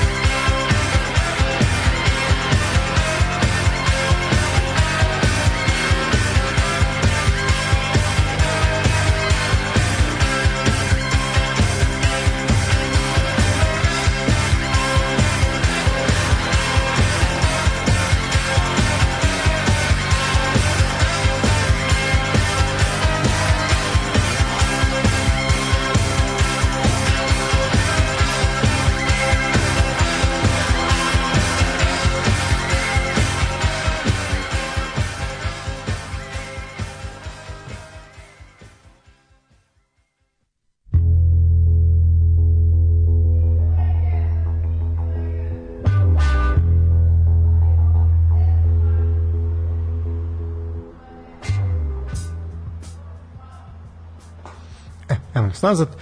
E, nakon druge, druge pauze vraćamo se uživo u programu nakon gotovo dva meseca ilegale Prle i Tihi su se vratili u oslobođeni. Nismo se vratili u oslobođeni ovaj Novi Sad, ali smo sad opet smo kod Marije u stanu što je opet mnogo bolje i prijatnije nego Oralo se mnogo sl nek, slobodnije krećemo ne moramo da se sakrivamo tako je ne više ono ne jedemo koru drveta i ne ležimo u zemlji tako da dobro mnogo, mnogo je bolje mora se priznati uh, ajmo dalje idemo na uh, svakako utakmicu, centralnu utakmicu ovog devetog kola, to je 168. večiti derbi uh, između Partizana i Crvene zvezde šest i po godina Zvezda nije pobedila na stadionu Partizana, taj post će nastaviti da traje ovaj, nakon ove utakmice, mada je Zvezda došla u prednost, posle dugo vremena je Zvezda postigla prva pogodak na stadionu Partizana, mislim nekih sedam godina nije, nije to uradila. Ne, ne, i više.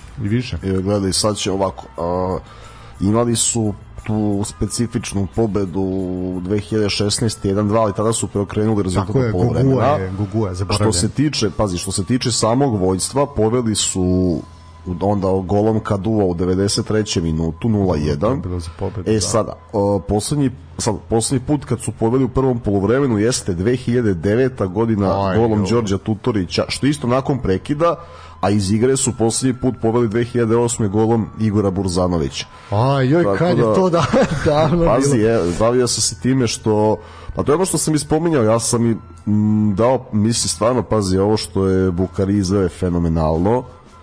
Jeste, pričat ćemo o tome. A, vidi, ajde sad, to, ali to su oni golovi, oni golovi koji uđu jedan od milion, naš. Ha, uđu. Ali uđu, moraš da mu, da mu čestitaš. Znaš. Apsolutno, vidi, ne da je zahvat, pazi, sama putanja lopte je nerealna. Putanja je otprilike kao kad Daško šutne loptu na terminu, razumeš, protivi se, protivi se zakonima fizike. Ja verujem da se ovaj svako ko je Iole imao bolju ocenu iz fizike je zapitao kako je ono letelo onako, ali nema šta. Znaš šta mi je jedino žao kod, ako pričamo o estetici tog pogotka, što Popović nije napravio paradu, da pogodak bude još lepši, nego je naš ostao ukopan, jer da se bacio, onda bi to bilo još ono na, strani. Mislim, ne bi on to mogao odbraniti, ali, ali bi bilo lepše Pa, svakako. ra, raspored, vidiš iz onog ugla, iz njegovog ugla raspored igrača u 16 tercu biti tako da on uopšte nije video moment kad je. Bukari šutirao. Mislim, i- on je samo refleksno ispratio, ali nije vidio. Znaš, nije, nije, nije stigao da se baci. Tako je. Sada, uh, pazi, ajmo ovako da krenemo Od početka. od samog početka. Najavljeni sastav na Telegrafu i se ispostavio kao tačan sa Kristijanom Belićem na poziciji bonus igrača. Ja, bio mi je to šok ujutru, iskreno sam mislio poznajući, znaš, onda je prvo je Mozart objavio sastav sa tolicom pozadi, pa sam onda, e, kad se vidio da se i Mozart koriguje, onda sam poverovao da je to to. Prvo sam mislio da su to određene diverzije, da Partizan želi da objavi jedan sastav u Telegrafu, drugi u Mozartu, a treći da zaista izvede na, na teren. Međutim, Zoran Ivković je bio u pravu. Sad ja ne znam, nisam gledao taj ugao na kraju, da li se Gordan Petrić na konferenciji obratio njemu ili Aleksandru Joksiću. Nije prikazano kome se, Da, da, za vezi pitanja, da. kome se, e, kome se obratio. E, Partizan, je, pa bilo znaš kako, ono što smo pričali i moja prognoza je bila takva, možda bi bilo stvarno Bukarime je sprečio, jer je Partizan još malo da izdržao, da se podigao, ja sam očekivao nulu po vreme i do drugom poluvremenu e, pobede posle sedam utakmica u svim takmičenjima Crvenu zvezdu, do toga nije došlo. Izuzetno su očekivao sam da Zvezda ima posle jer unazad u derbijima ako pratimo Zvezda uvek ulazi tako specifičan ulaz kroz pas prvih nekoliko minuta gde asimetrija bekova, neko ostaje treći pozadi, sad da li defazivni vezist ili jedan od bekova ostaje, uvek e, nešto spremaju na samom početku kako bi iskontrolisali posed. E sad, to je bilo i ranije i kada je Dan Milojević, kasnije Dejan Stanković, sad, u zavisnosti od e, trenera Partizana, Partizan je direktno što nalazio načina da tu razbije kasnije se utakmica razvijela u različitim smerovima. Međutim, i su više dugo su e, stajali plitkom. Veoma loš ulaz u meč e, Svetozara Markovića. Znači, to u, u prvom polovremenu. To se, to se videlo. Ž- A evo da smo iz Zvezdu, e, sastav u suštini isti kao protiv Haife. Da. i na Šumilojeviću je veoma je težak zadatak jer je slačionica zvezde specifična, o tome smo pričali koga da izvadiš znaš, e, znaš ako ostaviš na klupi i znaš, bez noga ne možeš Kanga ima svoje mesto u hijerarhiji ima Ivanić Kataj Bukari ti donosi nešto drugo plaćanje koliko je plaćen pa je opet bilo najlakše da Kangva e, počne sa klupe a sa druge strane isto tako želeo je da se osigura ipak sa Milunovićem i lakše je bilo da Eraković bude bek nego da eventualno počinje sa Gobeljićem da mu Gobeljić uh, dosi širinu. Tako da su na taj način ja si met, ej, to su pokušali da iznenade u prvih nekoliko minuta sa Erakovićem visoko. Koji je imao šansu, Ima. bio je u kaznom prostoru šutirao je duša loše, ali imao pa šansu. Pa dobro, Traore je dobro ispratio taj deo. Malo je kasnije na samom početku, doći ćemo i do, do Traorea. Sada smo ga videli u ozbiljnijoj utakmici. Zvezda je apsolutno kontrolisala posljednom trenutku je bio 80-20 Ovo, i što... Da, delovalo, ali o, jeste, ali delovalo je da je Partizan to svesno uradio, da je pre, svesno prepustio posle. Svesno jeste, ali ne, znaš, ne smeš ipak toliko. Što sam 20-80, to je. Znaš. Obično kad se stvari prepuštaju, ide se na 35% i da osvajaš lopte u određenim zonama. Što je kad kraju se završilo sa 38-62. I o, kasnije Partizan dao izuzetan odgovor ali predugo je ostao plitko i jednostavno tu frekvenciju napada i broj izvedenih prekida nije izdržao. Uh, izuzetno loša reakcija, znači Goran Petrić je pričao o toj drugoj lopti, Quincy Menig znači ne mogu da razumem da dopustiš, pazi lopta toliko dugo leti da dopustiš Bukariju da uopšte uputi šut ako nisi oduzeo čistu loptu, loša reakcija. Ne, ne, loša i za kasno. Ricardo je video da Menik spava, pokušao da koriguje, ali nije Ricardo krije, bilo je kasno, on je pokušao da uleti u šut. A onda šta se desilo zbog delom i zbog Ricarda Popović nije video trenutak kada je Bukari udarac uputio. Da, pa sled loših. Ono, da, mislim i da je da, video, ne bi ga branio. Nema ali... šanse, da. Mislim, mogu je samo da ga ulepša. I onda, znaš, to je jedna izjava Bukarija da je vežbao to na treningu. A, da, Pazi, jeste. Da. podsjetilo me na izjavu u košarci Marka Simonovića kada je svojevremeno Zvezda dobila gostovanje, jedno napravili su preko gostovanje, onda je rekao ja sam tražio od Radonjića da čuvam Gecevičiusa. E, pošto je Dejan Radonjić inače poznat kao trener koji može da se mešaš u, u odbranu, ali dobro, evo, ja nadam se da ću sada ovaj, da ne otkrijemo gledalcima, bavimo se nekim stvarima, imamo sada određene kontakte i ljude koji mogu da da nas upoznaju sa ljudima iz veze, tako da ću vremenom, nadam se, ako uspem ovome i dobijem određen angažman, ja ću da tražim, pazi, ja ću tražiti od eh, naših dragih prijatelja da me spoje sa Bukarijem i, znači, da on bira ko će da mu nabaci loptu 20 puta, ako pogodi jednu onako ja mu dam 500 evra. Evo. Znači, ja garantujem da se znači, ne, takav ne, gol izjava, jednom Ne, izjava je, ali evo, uklapa su mentalitet te slačionice izgleda lakše, recimo, nego Kings Kangva, e, takvim ponašanjem i izjavama, i moguće ga lakše prihvatiti Borjan, Gobeljić, Rodić, Kataj, a vidimo da je Kings Kangva, i pazi, od kad je došao, ja ne znam je li dečku dao jedan intervju, vidimo da je nešto tiši momak i ima problem što želi da igra u zonama u kojima su i Kate i Ivanić u među prostoru, ne može to da dobije, Kanga je zakucan, o tome smo pričali i sad je najlakše da on počinje sa klupe, gubi samopouzdanje, iako je mnogo plaćen, a pazi, možda može najviše da nese vremena da bude najbolji igrač tima. Kako će Milojević to da rešava, neka mu je... Vidjeti, da. Mislim da on bez ove godine, obzirom na to da Kata i sa 31 počinje da da pada, da Ivanić izuzetno slabo deluje, on bez Kangve ne može da ponovi uspehe Dejana Stankovića iz prethodne dve faze Lige Evrope. Na kraju krajeva u prvom uspehu je on učestvovao kao pomoćni trener, imao je izuzetno veliku ulogu koju je Stanković uvek naglašavao. Tako da, i b, nema šta zvezda je došlo do zasluženog vodstva je bila bolja dogodio se gol. Sada, uh, ja tu malo onako, bio sam na stadionu i malo sam slušao, a ova, takav gol, jer mislim Partizan je išao na nulu do poluvremena da bi znali kakve izmene naprave na osnovu dešavanja na terenu i onda ih je Bukari šokirao. I onda sam bio rekao, sad, znaš, sad su možda zreli iz drugi. Neverovatan odgovor Partizana 65 minuta. Tako je. Ono što je I pazi, znači vidi, vidi se da nema uigranosti, vidi se da nemaju 100% samopoznanje, da fali spreme, da je trener, da je trener nov, o, ali ćemo pričati. Ali ali se vidi karakter i videla se ideja. Kako su je sprovodili sad o tome se to da opet druga, da. diskutovati, može cela emisija samo tome da se posveti. Međutim, Partizan od primljenog gola pomera linije, kreće napred i gledamo drugi tim. Taj, taj moment kada nakon što Bukari postiže pogodak i taj moment upravo to ja nisam bio na stadionu, ja sam svoju kartu poklonio jednog momku koji je žarko želeo da ode ode na stadion i ja sam mu to omogućio ovaj a ja sam ostao kući i posmatrao ovaj derbi na jedan mirni mirni način i ovaj iz jednog drugačijeg ugla. Uh, tako da uh, da taj odgovor Partizana je zapravo ako pričamo o estetici i ono što privlači da kažemo ljude koji ne, ne gledaju fudbal na taj neki ovaj malo po znacima navoda pod znacima navoda stručniji način je dao žar i dao je neku neko uživanje u toj igri, znaš, nije ono kao što je bilo u prethodnim derbima kad Partizan primi prvi gol pa su zreli za još tri, nego je dobio se odgovor, dobilo se žar, dobila se borba na terenu, moram pohvaliti jedne i druge, bez uh, nekih uh, ružnih scena, što ja ne pamtim derbi kada je prošao bez nekog većeg koškanja, Pazi, ja sam se iskreno razočarao na kraju Albert Nadze ni sa kim nije potpuno. da, da, pa dobro, možda su mu zapretili da ne sme. Ovaj mada ne, možda i to ide sa godinama. Možda je, da. Pa nakon dve krivične prijave, ovaj možda se možda se malo smirio. Pa dobro, ali ovo ne, nije bilo suprotnog pola na terenu.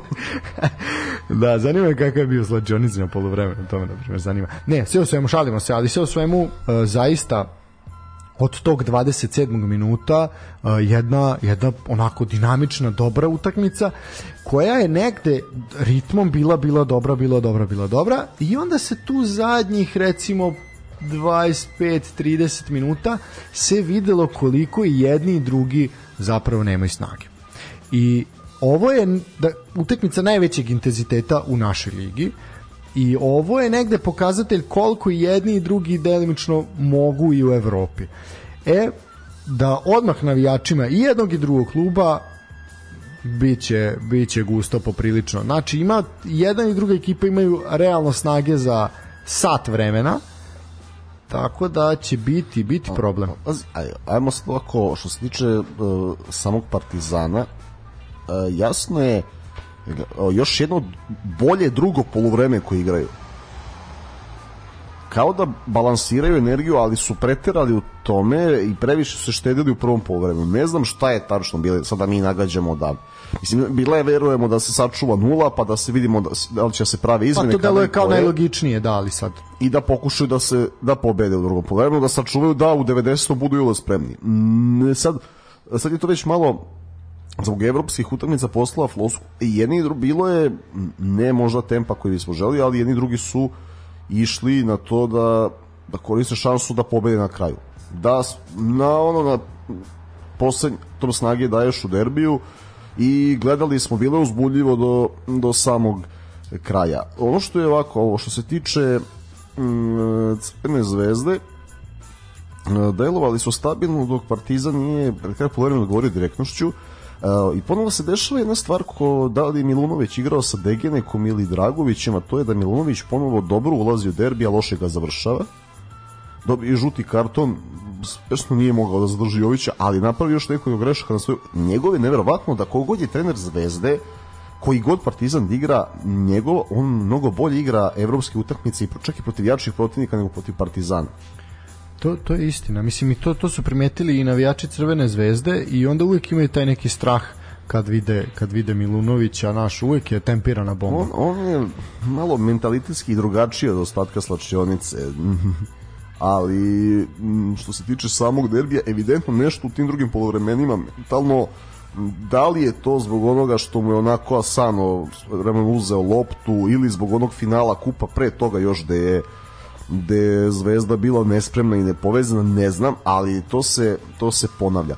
Eraković, e, dve, znači, različite role na desnoj i levoj strani, isključivo po boku i dobre defanzivne partije, obzirom na to da prvo što je meni ga potpuno uštopovao u svakom pokušaju tranzicije, a posle, znaš, sad, sad sa Diabateom gde je to mnogo teže, Diabate je tehnički podkovan igrač, nije dribler, E, nije mu napravio pakao od života.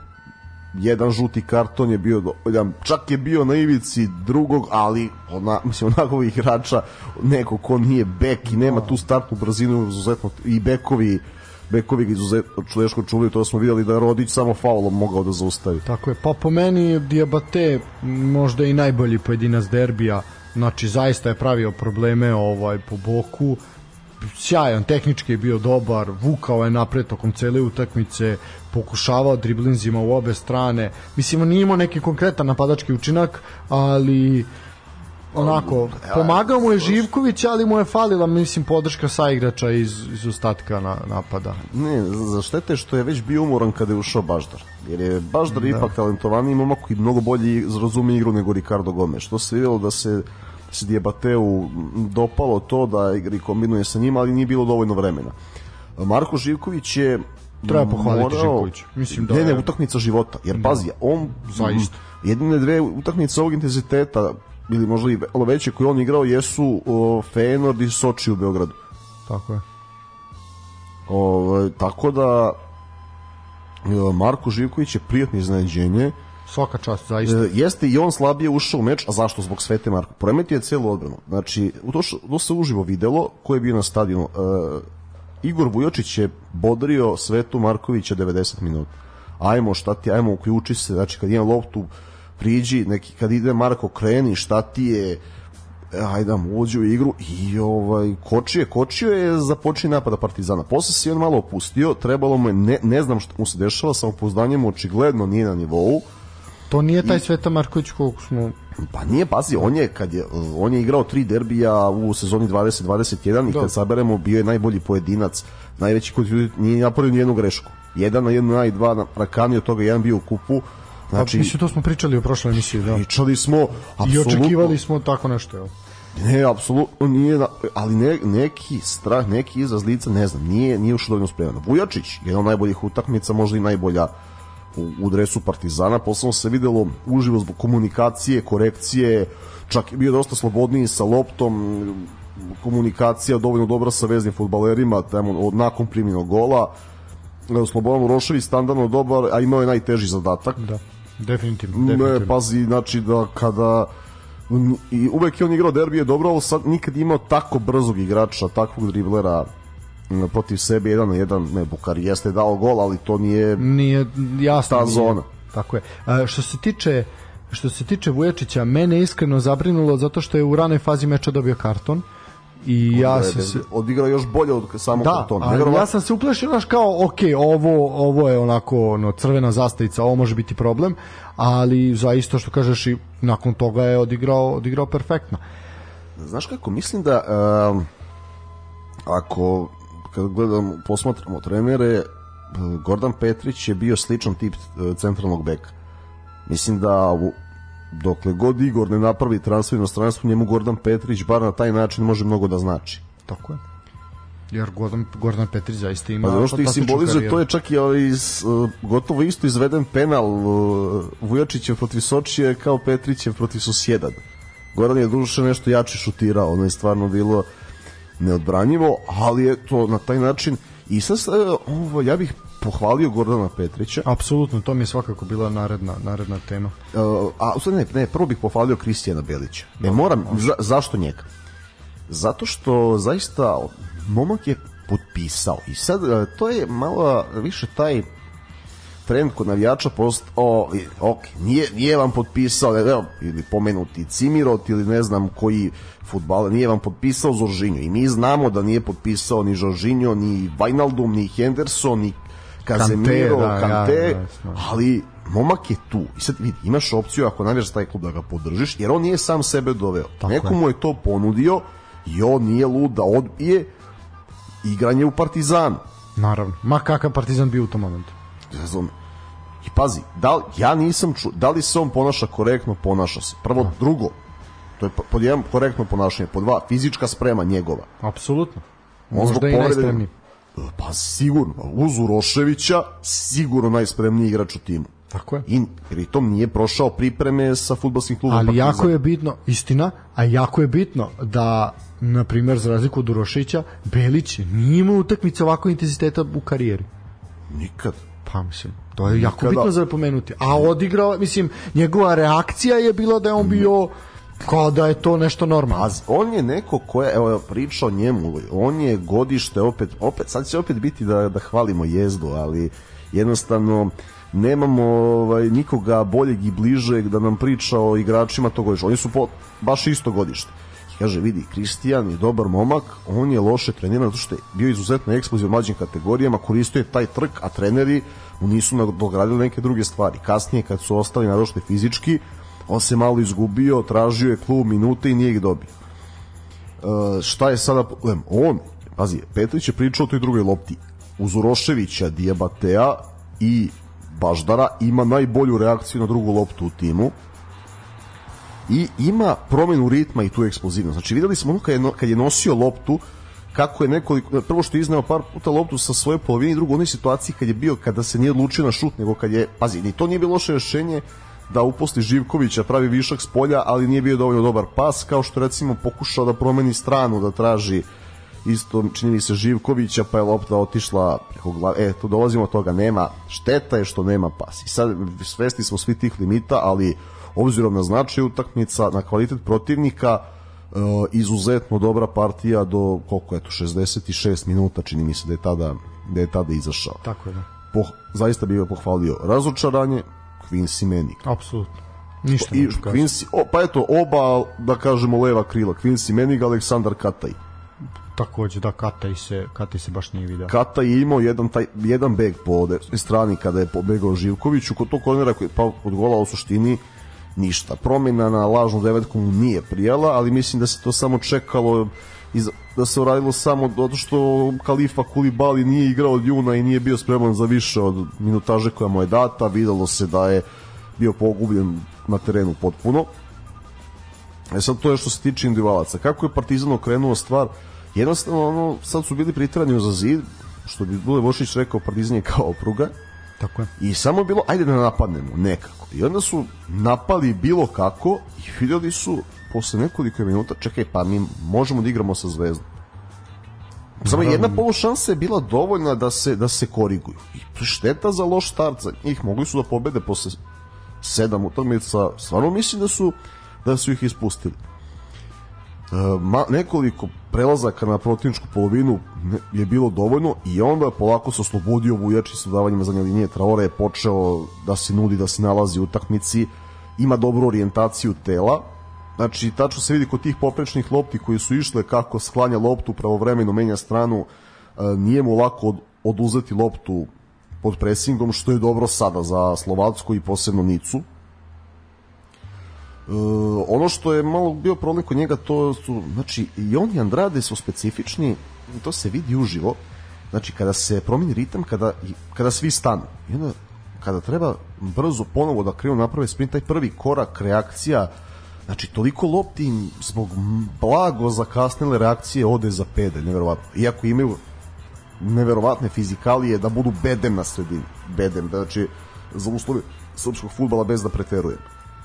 Ali kad zatim zato Traore, kada malo mu fali taj prvi korak, znači kad napravi dva koraka, uhvati zale, znači negativna tranzicija da zaustavlja kontre, iznošenje lopte i donošenje, donošenje odluka u punom sprintu i dodavanja što je veoma važno pritom u, u desnom među prostoru e, mislim da bi mogao da, dobro da kombinuje sa Diabateom u situacijama kada ima adekvatnu protekciju drugog vezisa. To smo videli onda kada je Belić ostajao povučeniji, da se Traore pridodavao pred kraj drugog polovremena i da je to izgledalo veoma dobro. E, tako da se radi o racionalnom igraču sa loptom, što je, što je veoma važno za Partizan, biće veliko pojačanje pred utakmice koje slede. Da, definitivno je ova utakmica onako sad konačno pokazatelj šta možemo da očekujemo i od jednih i od drugih. Ne, ali partizan, oni su, se, da. vremeno su se kako je meč odmetao oslobađali, nisu ni znali s kim mogu i šta mogu da igraju. Su, znaš, pa prvo je. su ispili od Larnake, pa su se mučili ligi, pa su se ono, igrali promenljivo protiv Hamruna i onda dolazi najozbiljniji rival ove sezone i shvatili su da mogu da igraju.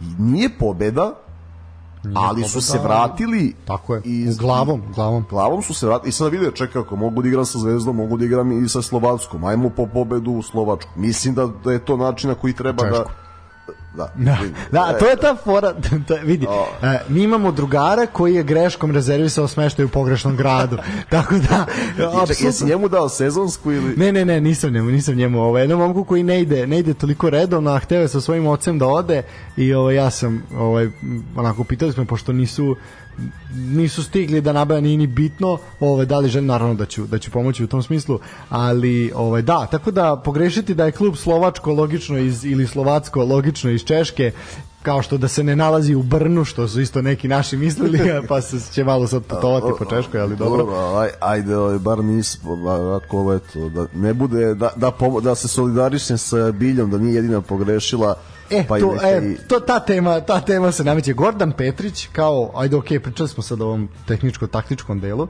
ali Gordon Petrić kao pojava. Prvo, e, svaka čast čo- čoveku koji on je ceo derbi na sebi nosio šoletovu majicu sa šoletovim likom i to je nešto, to je ozbiljna stvar. I pazi, to je njegova bila prva izjava u konferenciji pred derbi, da pobedimo za Batašolet. Tako je. To je vidi, to je jedna ozbiljna, ozbiljna stvar. E, drugo, e, taj moment ispravljanja e, ne samo novinara, kao što smo videli taj isečak kratki koji je rekao evo ga ovaj što zna postavu napred, znači ne to, nego ispravljanje i e, Bilje Obradović najviše, koja zaista jako mnogo greši, ovaj, ali i drugih ljudi, znači, gde onako jako pažljivo, smireno sluša šta se priča, ne govori floskule, nego zaista onako svaka njegova izjava je, znaš, mene on podsjeća kao na nekog dobrog strica ili ujaka, znaš, koji ti je ono tu jako, jako drag i ovaj onako uvek kaže onako kako jeste i neko na koga uvek možeš da se osloniš jedan zaista ono, dobri div ovaj partizana što on svakako i jeste. Ja opet ponavljam da je on izuzetno ružno dočekan. E, Možda Jeste, ne, možda, de- od dela navijača da, ne od možda, svih ali možda ne ove, ovog malog dela navijača protiv mladosti u Novom Sadu, ali na društvenim mrežama izuzetno. I šta mi se dopalo? Ali to je opet onaj deo navijača i to pritom to su nešto stariji navijači koji misle i, i da su društvene mreže njihove i da je partizan njihov i da ne znam zbog određenih stvari da oni treba da se za sve pitaju. Ono što mi se svidelo to je na Instagramu ova mlađa navijačka populacija ga je, mogu ti reći, izuzetno lepo prihvatila na neki njihov šaljivi način, pa i kroz bugarski turbo folk, ne znam, posvetili su mu pesmu od Toni Storara, šefkata, gaš, kao šef ali izuzetno se prihvatili su ga kao nekog, primetili su da je dobro nameran, da je veliki partizanovac, da je njihov i to je dovoljno. Je bilo da ga podrže, jedno, Gordon Petrić nema poraz. Partizan, je, znači Partizan je izgubio skoro sve utakmice od njegovog dolaska, sada nema poraz. O igri ćemo da diskutujemo, napredak se vidi. I što je pre utakmice je bilo, eto, sad da nešto, naravno da cenim i Miloša Milojevića, pazi šta je, čovjek je napravio revoluciju tamo prvo u Mjalbiju, umalo je izba, ušao u Conference League sa Hamarbijem preko Bazela, nesrećno znamo da je ispao, Malbe je ok, brzo izgubio slačionicu, u Zvezdi je kao asistent imao veliku ulogu i sad što je malo se ta asist, e, situacija pred derbi kao da je ovamo ono, trenerski wunderkid protiv eto tu nekog Dunstra Petrića koji tako spava, pa nije to bilo baš tako, videli smo utakmici. Videli smo, znači to što taj kontinuitet drugih boljih poluvremena jeste dokaz da Gordon Petrović gleda utakmicu, reaguje, menja i to mu za sada donosi rezultat. Izuzetno mi je drago zbog njega. Zašto? Zato što ne slažem se uvek naravno sa svim što je on govorio ovaj, poslednjih godina, sa svakim sad detaljem, ali on se drži toga, to je partizan partizanovcima. On želi da se neki ljudi izmire, da, evo i sad kad je došao, rekao je pozivam ih da dođu, neka budu oko mene, da pričamo, da vidimo kako ćemo dalje. On se drži toga godinama, namere su mu dobre, e, veliko, pazi, to videlo se, znači, iz pokojnog šoleta, mnogo mu je gol značio, jedna iskrena emocija, komunikacija s navijačima, zaista dobre namere, ali pazi što je, ovaj, on ima jednu specifičnu vrstu harizme. On tako deluje, moramo, evo sad kako izgledalo na stadion. Izašao je na teren i prvo su, kako su se tu, jel, do juga, znaš da je uvek zagrevanje igrača Crvene zvezde. Prišli su njemu Nikola Stanković i Stefan Leković. Sad ne znam da li ih je on negde ne, u Savezu trenirao, ne znam da li je... Prišli su da, si, pazi, da se izljube s njim. I sad vidiš ide priča i onda, onda nešto govori, samo vidiš ono, odjednom nagli smeh njih dvojice, vraćaju se na svoje zagrevanje. Sad Gordon ide do svojih, e, nešto prilazi Kristijan Belić onako zbujeno da pita, ali gleda opet nekoliko sekundi komunikacije, onda vidiš Belića kako se smeje, ono, i, i nastavlja da se zagreva, što mu je vjerojatno pomoglo da da uđe bolje u meč. No, opusti Onda nakon zagrevanja Petrić se vraća ka tunelu gde stoji Albert Nađ. Albert Nađ je povno posmatrao zagrevanje futbolera Crvene zvezde i tu su bili Bilja, izvinjavamo se gledalcima, ali je, nama je Albert drag godinama inspiracija, ovaj, znači još od, od izjave da, ja izjave protiv Širaka da je vruć i onog pevanja na svadbi jednostavno ne znam ono čovek je Da, mislim, znaš, kad kažeš Albert Nađe pomno pratio zagrevanje igrača Crvene zvezde, ja gledam kako krvari iz očiju, znaš, i ono para iz uši kako sprema da, da uleti, da, da baci nekog u reklame. bio, je, bio je zadužen za nešto primeti.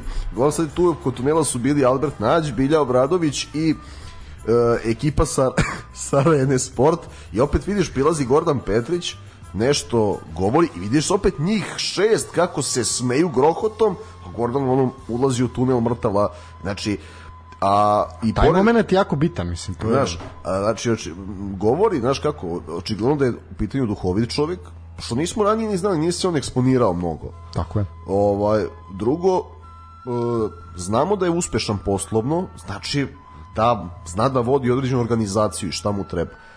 Treće, veliki je partizanovac, četvrto, poštuje rivala, nije i na neka pitanja novinara ne dozvoljava da ga uvuče u neki rivalitet sa Milojevićem koji mu je prijatelj sa licence, poznaju se Milojević isto korektan Milović jako korektno izjava, to sam hteo da hteo, ne samo izjava, nego uopšte nastup. To je Ponaš... Ne, ne, ne, apsolutno ne sumnjam dok je god Milojević tu da će biti sa te strane najkorektnije moguće iz Crvene zvezde. Evo, u to uopšte ne sumnjam.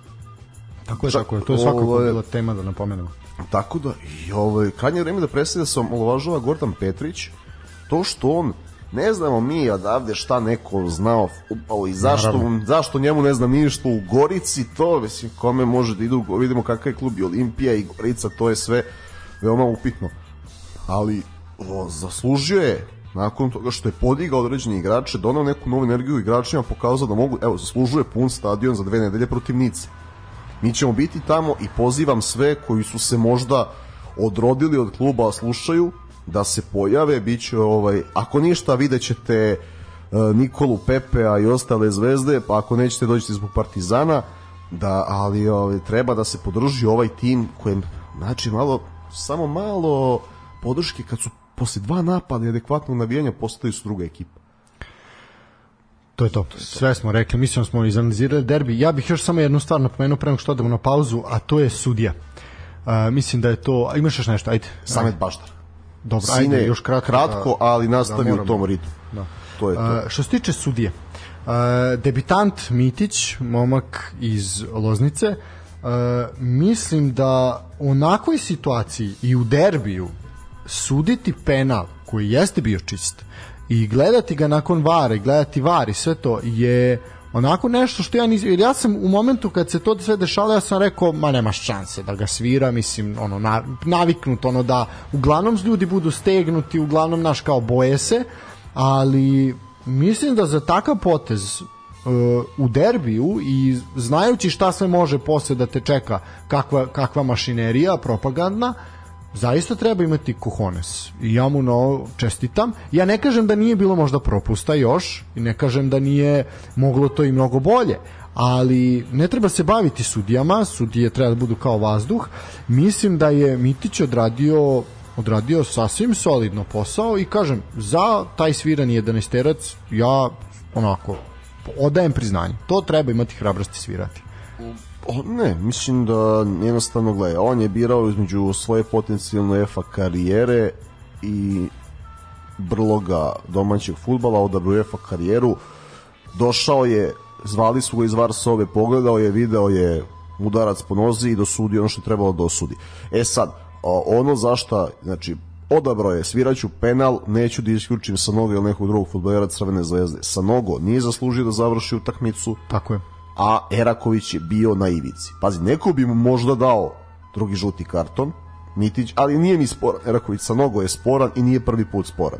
Tako je. Tako da je, kad je već, kada je već svirao penal, odlučio je da Zvezda mora da završi utakmicu sa 11 futbolera, završila je ovaj, i to ono što bih spomenuo to je da se ali nije imao mnogo vremena neću Milošu Miloviću izmene što je više izmena pravio to su u Zvezdi loše igrali znači i Kulibali Mitrović jeste bio aktivan ali ne, nije donosio prave odluke. Kings Kangva očigledno mu prija da startuje a ne da ulazi sa klupe. To smo videli u revanšu sa sa Haifom ista priča se ponovila tako da što je meč više odmicao Partizan je bio bolji i uh, ispustio pobedu. Srpskim klubovima želimo pobede naredne nedelje u utakmicama u Evropi.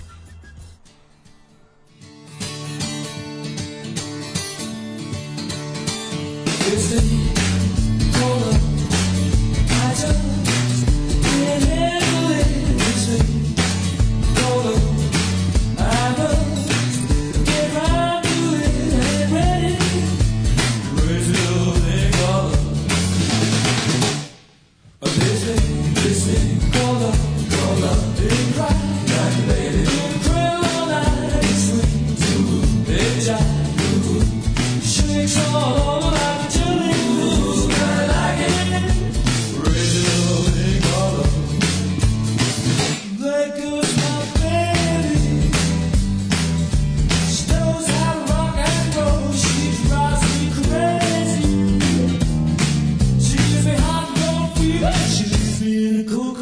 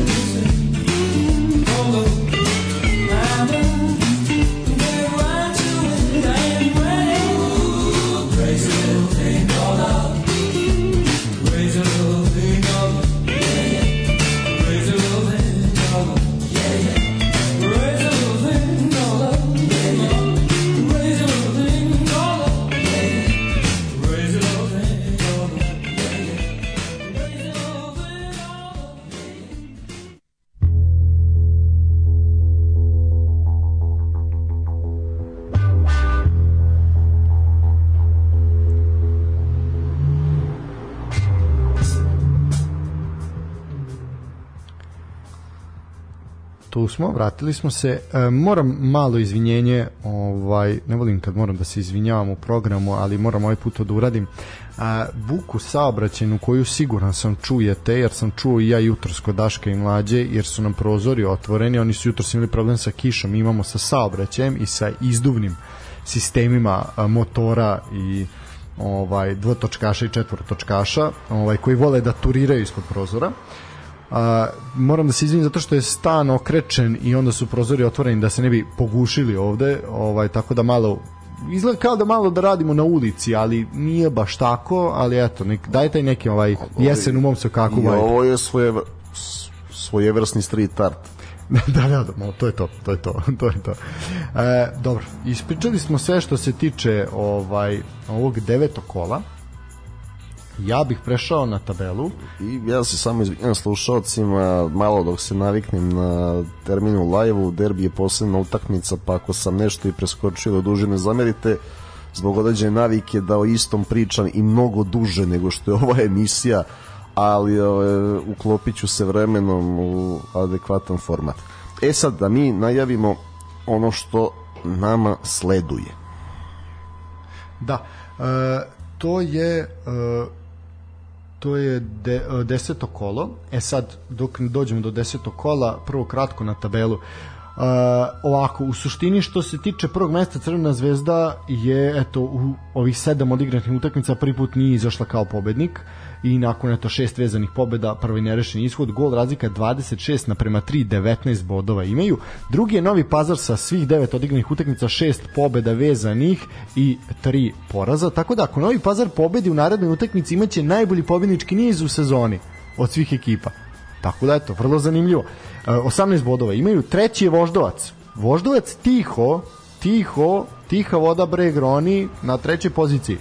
17 bodova Vojvodina je četvrta sa 16 i utakmicom manje. TSC je peti sa 16 bodova, e, sa svim odigranim utakmicama Čukarički, fali mu utakmica protiv Crvene zvezde 16 bodova na šestoj poziciji. Kolubara sedma sa 15, Partizan je osmi, Partizan konačno u play-off zoni e, sa 12 bodova, deveti je Javor koji je nakon tri vezana poraza i jednim nerešenim rezultatom skliznuo poprilično, bili su u vrhu tabele, 11 bodova, 10 je Spartak sa 10, uh, 11 je Radnički iz Kragujevca koji ima 9, 12 je Radnički iz Niša koji ima 8, 13 je Mladost iz Lučana koji ima 6, 14 je Napredak sa 5 bodova, 15 je Mladost Gat sa 4 boda i 16 je Radnik iz Surdulice sa 3 boda. Jedina ekipa još uvek u prvenstvu bez pobede je Radnik iz Surdulice, a Vojvodina i Crvena zvezda ne znaju za a, poraz opa, evo ga, dešava se, to je to što se dešava kad je uživo program. E, idemo na najavu kola. Kolo će početi u subotu trećeg, s tim da će u subotu trećeg biti odigrane samo dve utakmice. Gro utakmice će se igrati u nedelju, nešto će biti i u ponedeljak. Tako da počinjemo sa najavom deseto kolo od 18 časova u subotu na stadionu Čair otvaraju Radnički Niš i Mladost Gata. Uh, uh, uh, uh, uh, uh, uh. O, koliko treba pobeda i jednima i drugima. Da, da. Tako je. Ali mislim da je da je to Kec X ja stvarno mislim da će Linta morati još malo da sačeka. I bod mu je dobar u Nišu. Mislim da da. Ja, ja se slažem s tobom, evo možda ne, ne volimo to da radimo, ali ću prepisati ovaj Kec X jer ja m, sumnjam da mladost može odati do pobede. Mislim da će radnički će se opasno potući da da ovaj da ostane, da uzme sva tri boda, ako ne sva tri onda makar jedan. E sad imamo sličnu situaciju i u meču od 20 časova, a to je da na noge Slavku Petroviću dolazi Dušan Đorđević. Znači dva trenera sličnog stylinga, ovaj samo malo različitih gabarita, ovaj se susreću. Da, ovo je možemo da nazovemo ovu utakmicu derbi Bobana Rajevića. kako će se upati Slavko Petrović jedan put. Pa ne, ovo je, kako recimo, ovo je u catcherima, na primjer, Kane protiv Stone Cold, to bi tako bilo. Dole da. Đorđević onako tamo tako smiren. Šta, uh, mislim, pa ja bih ovdje isto rekao Cats X. Uh, a Cats X, da, uh, Cats X, ali uz dodatak da mora da ga da Bojan Matić. El Matador, evo, Znači, Potre, piše potreban, Matić plus i Kec X, jel? Tako je. Potreban je srpskom futbolu i čekamo gol. Dobro, idemo dalje. E, to je što se tiče subote. Nedelja, 18 časova, dve utakmice imamo. E, utakmica na kojoj ću ja biti prisutan, a ako želiš naravno možeš i ti sa mnom, to je Vojvodina Voždovac, 18 časova na Karadžođu. U, to bi moralo da, da se prisustvuje, ne znam, Ovo je, moram da vidim raspored i obaveze. Po meni derbi kola. Po meni derbi kola. Pa, vidi, da li je to ili Kolubara Partizan? Da, imamo dve izuzetne. Ne, Vidi, pazi, Vojvodina Voždovac je duel... Ne, ček, imamo i Zvezda TSC. Da, ali Vojvodina Voždovac je duel dve bolje plasirane ekipe. Pa dobro. Znaš, ipak pa, je kao, naš, ono, borba za bronzu. Treći, četvrti. Ne, ne, ovaj, tu, tu očekujem, očekujem gol, gol. Ne, očekujem gol, gol, očekujem dobar futbal. Mo, mislim da mislim da ćemo prisustvovati. Voleo bih samo da vreme posluži, znači, da mislim da će da bude... biti kao košarka napad za napad. Uh, mislim, samo, samo želim da, da bude ono vreme, ne mora, ne mora, samo nek bude suvo, samo da ne pada kiša u tom momentu, da budeš zaista što više publike, jer ljudi dođite, dođite na stadion, sad zvučimo kao Željko Pantić, ali dođite, dođite na stadion, imamo uh, mogućnost da gledamo dve jako, jako dobre ekipe, dve ekipe koje će pružiti uh, jednu zaista futbolsku predstavu za uživanje, tako da 18 časova Novosađani stadion, stadion Karadžić. A naravno, zašto poziv ide i ljudima s Voždovca, dođite, malo popijete espresso u Novom Sadu i pa, dođite ne, Sokolom. Željko, Željko Pantić nije čovjek koji loše zvuči, nego je pitanje št, kakav je sadržaj koji izgovaranja, Tako. on nije, ne zvuči loš. Tako da, zaista dođite da ispratite ovu utakmicu ovde, ovo vredi, ovo vredi pogledati. Ono, Nikola ima nekoliko utakmica gledanja, eto, istakli smo istakli smo tri, ali ajde da kažemo da je ovo ipak jedna... Po meni derbi. Ti si rekao gol, gol, a ja ću reći ovde 3+. Plus. E, evo, evo, evo dok pričamo o Odini Voždovac, slušalci ne vide da nas dragi jezda upravo zove, ali morat će da sačeka ovaj, da, da mu se javim. E sad, drugi, druga ovaj, utakmica od 18 časova isto, isto će privući ozbiljnu pažnju, a to je utakmica između Kolubara i Partizana u Lazarevcu. A, to je isti termin. Da. A onda ipak mislim da se nećemo vidjeti. Ti onda, ti onda isprati, eto, to je zadatak kad bude Kolubara Partizan, ja ću gledati Vojvodina Voždovac. Mislim da to pošto da se podelimo. Podela posla je Tako je. glavna stvar svake organizacije, tako da naš operativni menadžer funkcioniše dobro. Uh, ovako, ja očekujem dvojku i gol gol. Znači, 1-2, 1-3 očekujem za Partizan. Uh, i da stre, Vukušić bude strejac.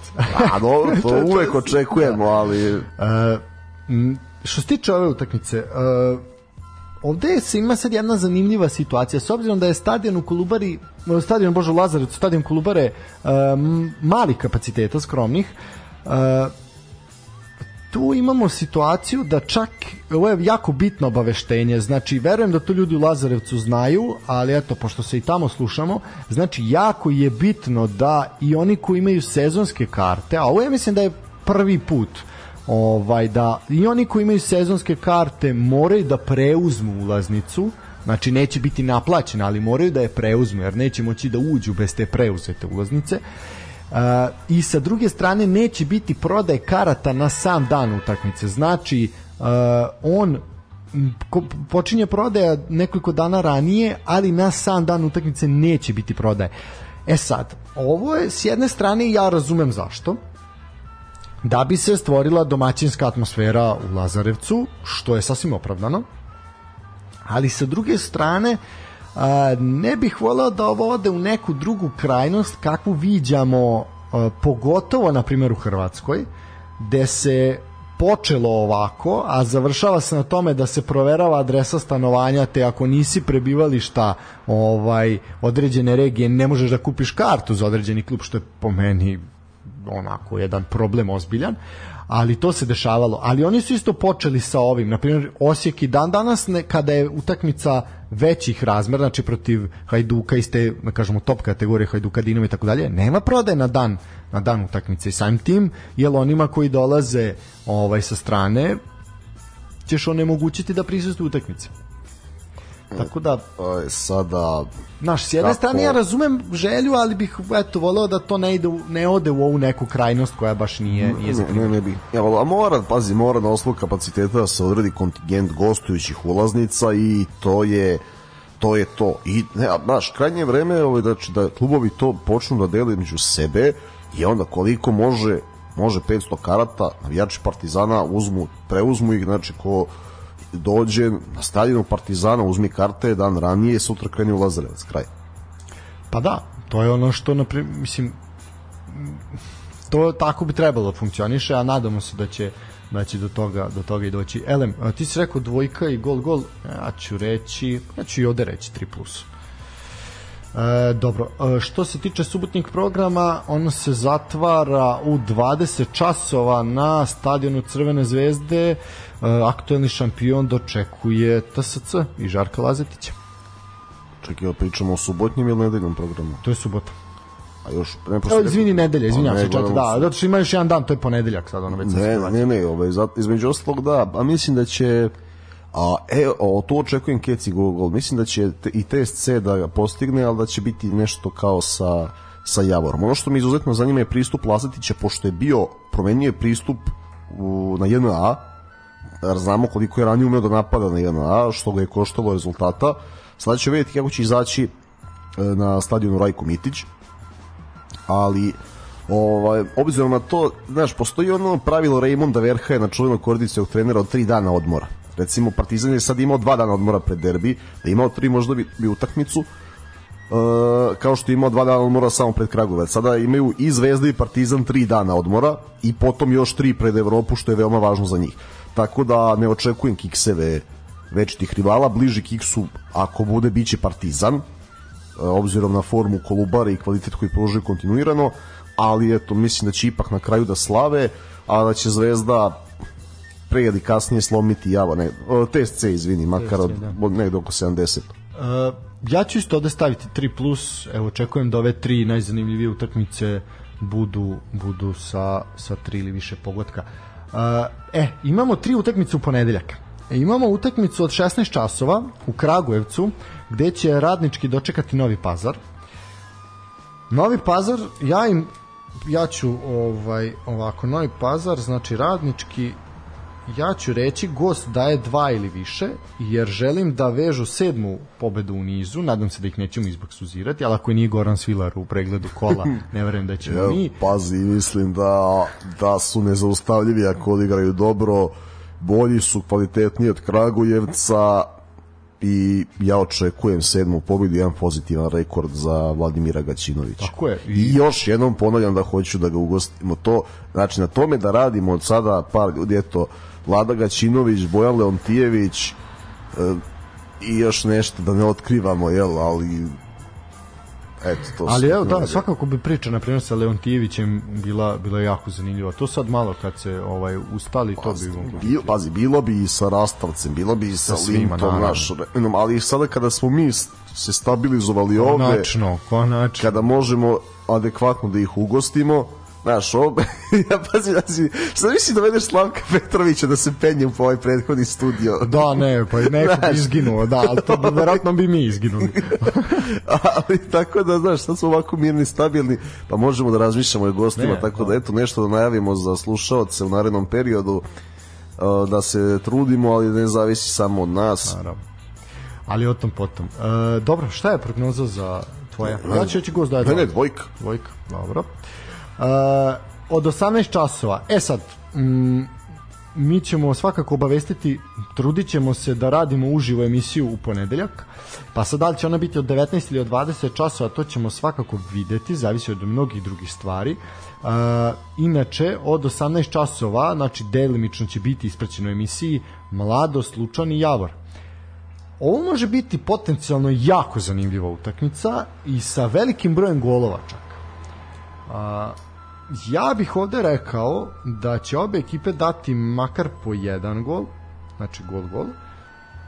Ovo može biti jako dobro, opet kažem šteta je što se ovo igra u ponedjeljak od 18 časova, tako da siguran sam da poseta u Lučanima baš neće biti na nekom najvećem nivou, a ovo ovo isto ovo isto može biti jako jako ima potencijal da bude jako zanimljiva utakmica za gledanje. O, apsolutno ima. I sad pazi što se tiče ovog ponedeljka to ti je mač za dve oštice s jedne strane ti je lošije za samu posetu ali sa druge strane je dobro za gledanost kaj malih ekrana jer kada nema premier ligi u ponedeljak u šest e, neki znaš ti momci iz mladosti Javora koji su pokazali dobre stvari ovoj sezoni mogu da budu primećeni u nekom širem auditorijumu van zapadne Srbije Razumeš?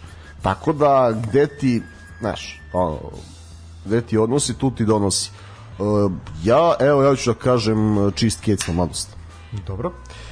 Uh, idemo na utakmicu isto od 18 časa. Radnik dočekuje Čukarički. Pa ovo je sve sem ono ubedljive pobede Čukaričkog zaista. Mislim da Radnik prvu pobedu, morat ćeš malo sačeka na prvu pobedu u prvenstvu, da to sigurno neće biti protiv ekipe z Banovog Brda. Bore, to moja neka predikcija sad. O, I moja, ali evo, ja mislim da će daju gol. Znači domaćin 1 plus. Dobro, to si, to si pogodio i na Voždovcu. to je... Što... Naši su oni način malo kako daju gol, ne znaju kako se odbrane. Uh, tako je. Ja verujem da ovo, mislim ono, kontam da je realan rezultat 3-1 za Čukarički, ali dobro, vidjet ćemo. Uh, Elem, to je što se tiče narednog kola, desetog. Uh, pre samog kraja utakmice uh, imamo jednu onako lepu, lepu temu i neće mi tu nešto mnogo, mnogo daviti o tome jer se baš nešto puno i ne razumemo, ali je naše da pružimo podršku a to je e, da sutra u Staroj Pazovi sa početkom od 20 časova znači na terenima sportskog centra e, u Staroj Pazovi e, istrčaće izabranice selektora Predraga Gozdenovića koji igraju možda i najbitniju utakmicu njihove generacije, a to je utakmica protiv Portugala. Uh, utakmica gde se pobedom uh, obezbeđuje uh, baraž uh, za plasman na prvenstvo sveta koje se naredne godine održava u Australiji i Novom Zelandu. Uh, besplatan je ulaz na teren sportskog centra u Stare Pazovi. Svi koji mogu neka ode, neka odu da podrže ove fantastične devojke. Uh, njima mnogo znači, zanimljiv je taj odabir Stare Pazove, one nisu htele ovaj nisu jednostavno stručni štab sve utakmice su igrale tamo nisu nisu hteli da da menjaju iako su možda time žrtvovali neki veći priliv publike ali tu se osjećaju kao kod kuće što je lepo i treba takva atmosfera da vlada kad ti dolazi Portugal. Tako da jedna istorijska utakmica, utakmica za koju su se pripremali kroz čitav ciklus, Uh, zaista uh, bilo je mnogo odricanja, bilo je mnogo problema u ovom ciklusu, lepih trenutaka, ali došli su do trenutka i do meča koji može mnogo da donese i svim srcem i one kažem ko može neka ode. Mi ćemo biti sprečeni ali definitivno ćemo gledati prenos na areni. Mislim da je arena 3 u pitanju. Sutra 20 časova e, ljudi e, budite uz devojke. Devojke su zaslužile apsolutnu apsolutnu podršku javnosti i imamo fenomenalne igračice Arena Premium 3, tako je. Ovo, imamo fenomenalne igračice u sastavu, igraju u najvećim svetskim klubovima od e, Chelsea, Bayerna, Fiorentine, tako dalje, tako dalje. Uh, zaista ono zaslužile su podršku, dajte da ih poguramo i da zašto da ne pored reprezentacije u muške selekcije jel imamo i predstavnika naše države i na prvenstvu sveta za, za dame apsolutno, mislim, pazi, neke, neke boćanje, neke e-sports, neke, neke bilo šta, Pa, no, znači, drugo, devojke zaista igraju dobar futbal. Tako je. E, drugo, videli smo ko je pratio na RTS-u finale Evropskog prvenstva, žene mogu da vidi koliko je ženski futbal napredovao. E, tako da ono što ja isto pozivam znači da se ode na utakmicu ako ne može da gleda na Areni Premium 3 videće da to uopšte nije nekvalitetno naprotiv i pozdravljam što Arena prenosi utakmicu jer ranije prenose ženske reprezentacije nismo imali prilike da gledamo. Tako da dobar potez Arene uh, idite u Staru Pazovu i želimo devojkama svu sreću plasmanu u Australiju i Novi Zeland Tako je. E, nije ovo poslednja utakmica, ima utakmica nakon ove utakmica protiv Izraela e, i od ishoda ova dva meča zavisi ovaj e, kako ćemo se kako ćemo se ovaj plasirati, da li ćemo se plasirati, tako da e, svo, svim srcem jako i evo to neka bude poruka za kraj puna podrška našim damama o, sutra od 20 časova kažem, svi pravac Stara Pazova, ko ne, neka bude na Areni 3 i onako šta ćete pametno raditi. Sitnicu imam za kraj, samo.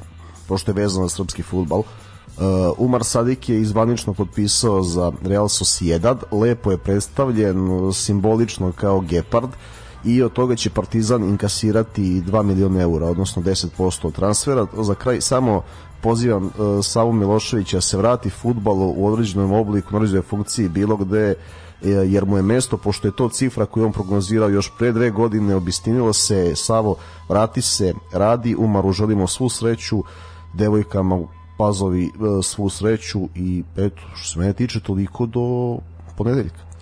Tako je, ovaj, to je to, nema šta. Sutra je svakako sav fokus na, na staroj pazovi i na utakmici ženske futbolske reprezentacije između uh, protiv utakmice protiv Portugala, baraž za odlazak uh, na uh, svetsko prvenstvo, uopšte plasman za odlazak na svetsko prvenstvo je na talonu. Uh, devojke, izađite na teren i uzmite tu šansu koja vam se pruža. Ljudi, toliko od nas uh, nadamo se da se čujemo u ponedljak u redovnom terminu, ako ne, bit ćete svakako obavešteni na društvenim mrežama. Period ilegale je gotov, vratili smo se kući i sada nastavljamo punom parom i nastavljamo da se razvijamo na nekom a, višem i boljem nivou. Toliko od nas, uživajte, pa se čujemo. Prijatno.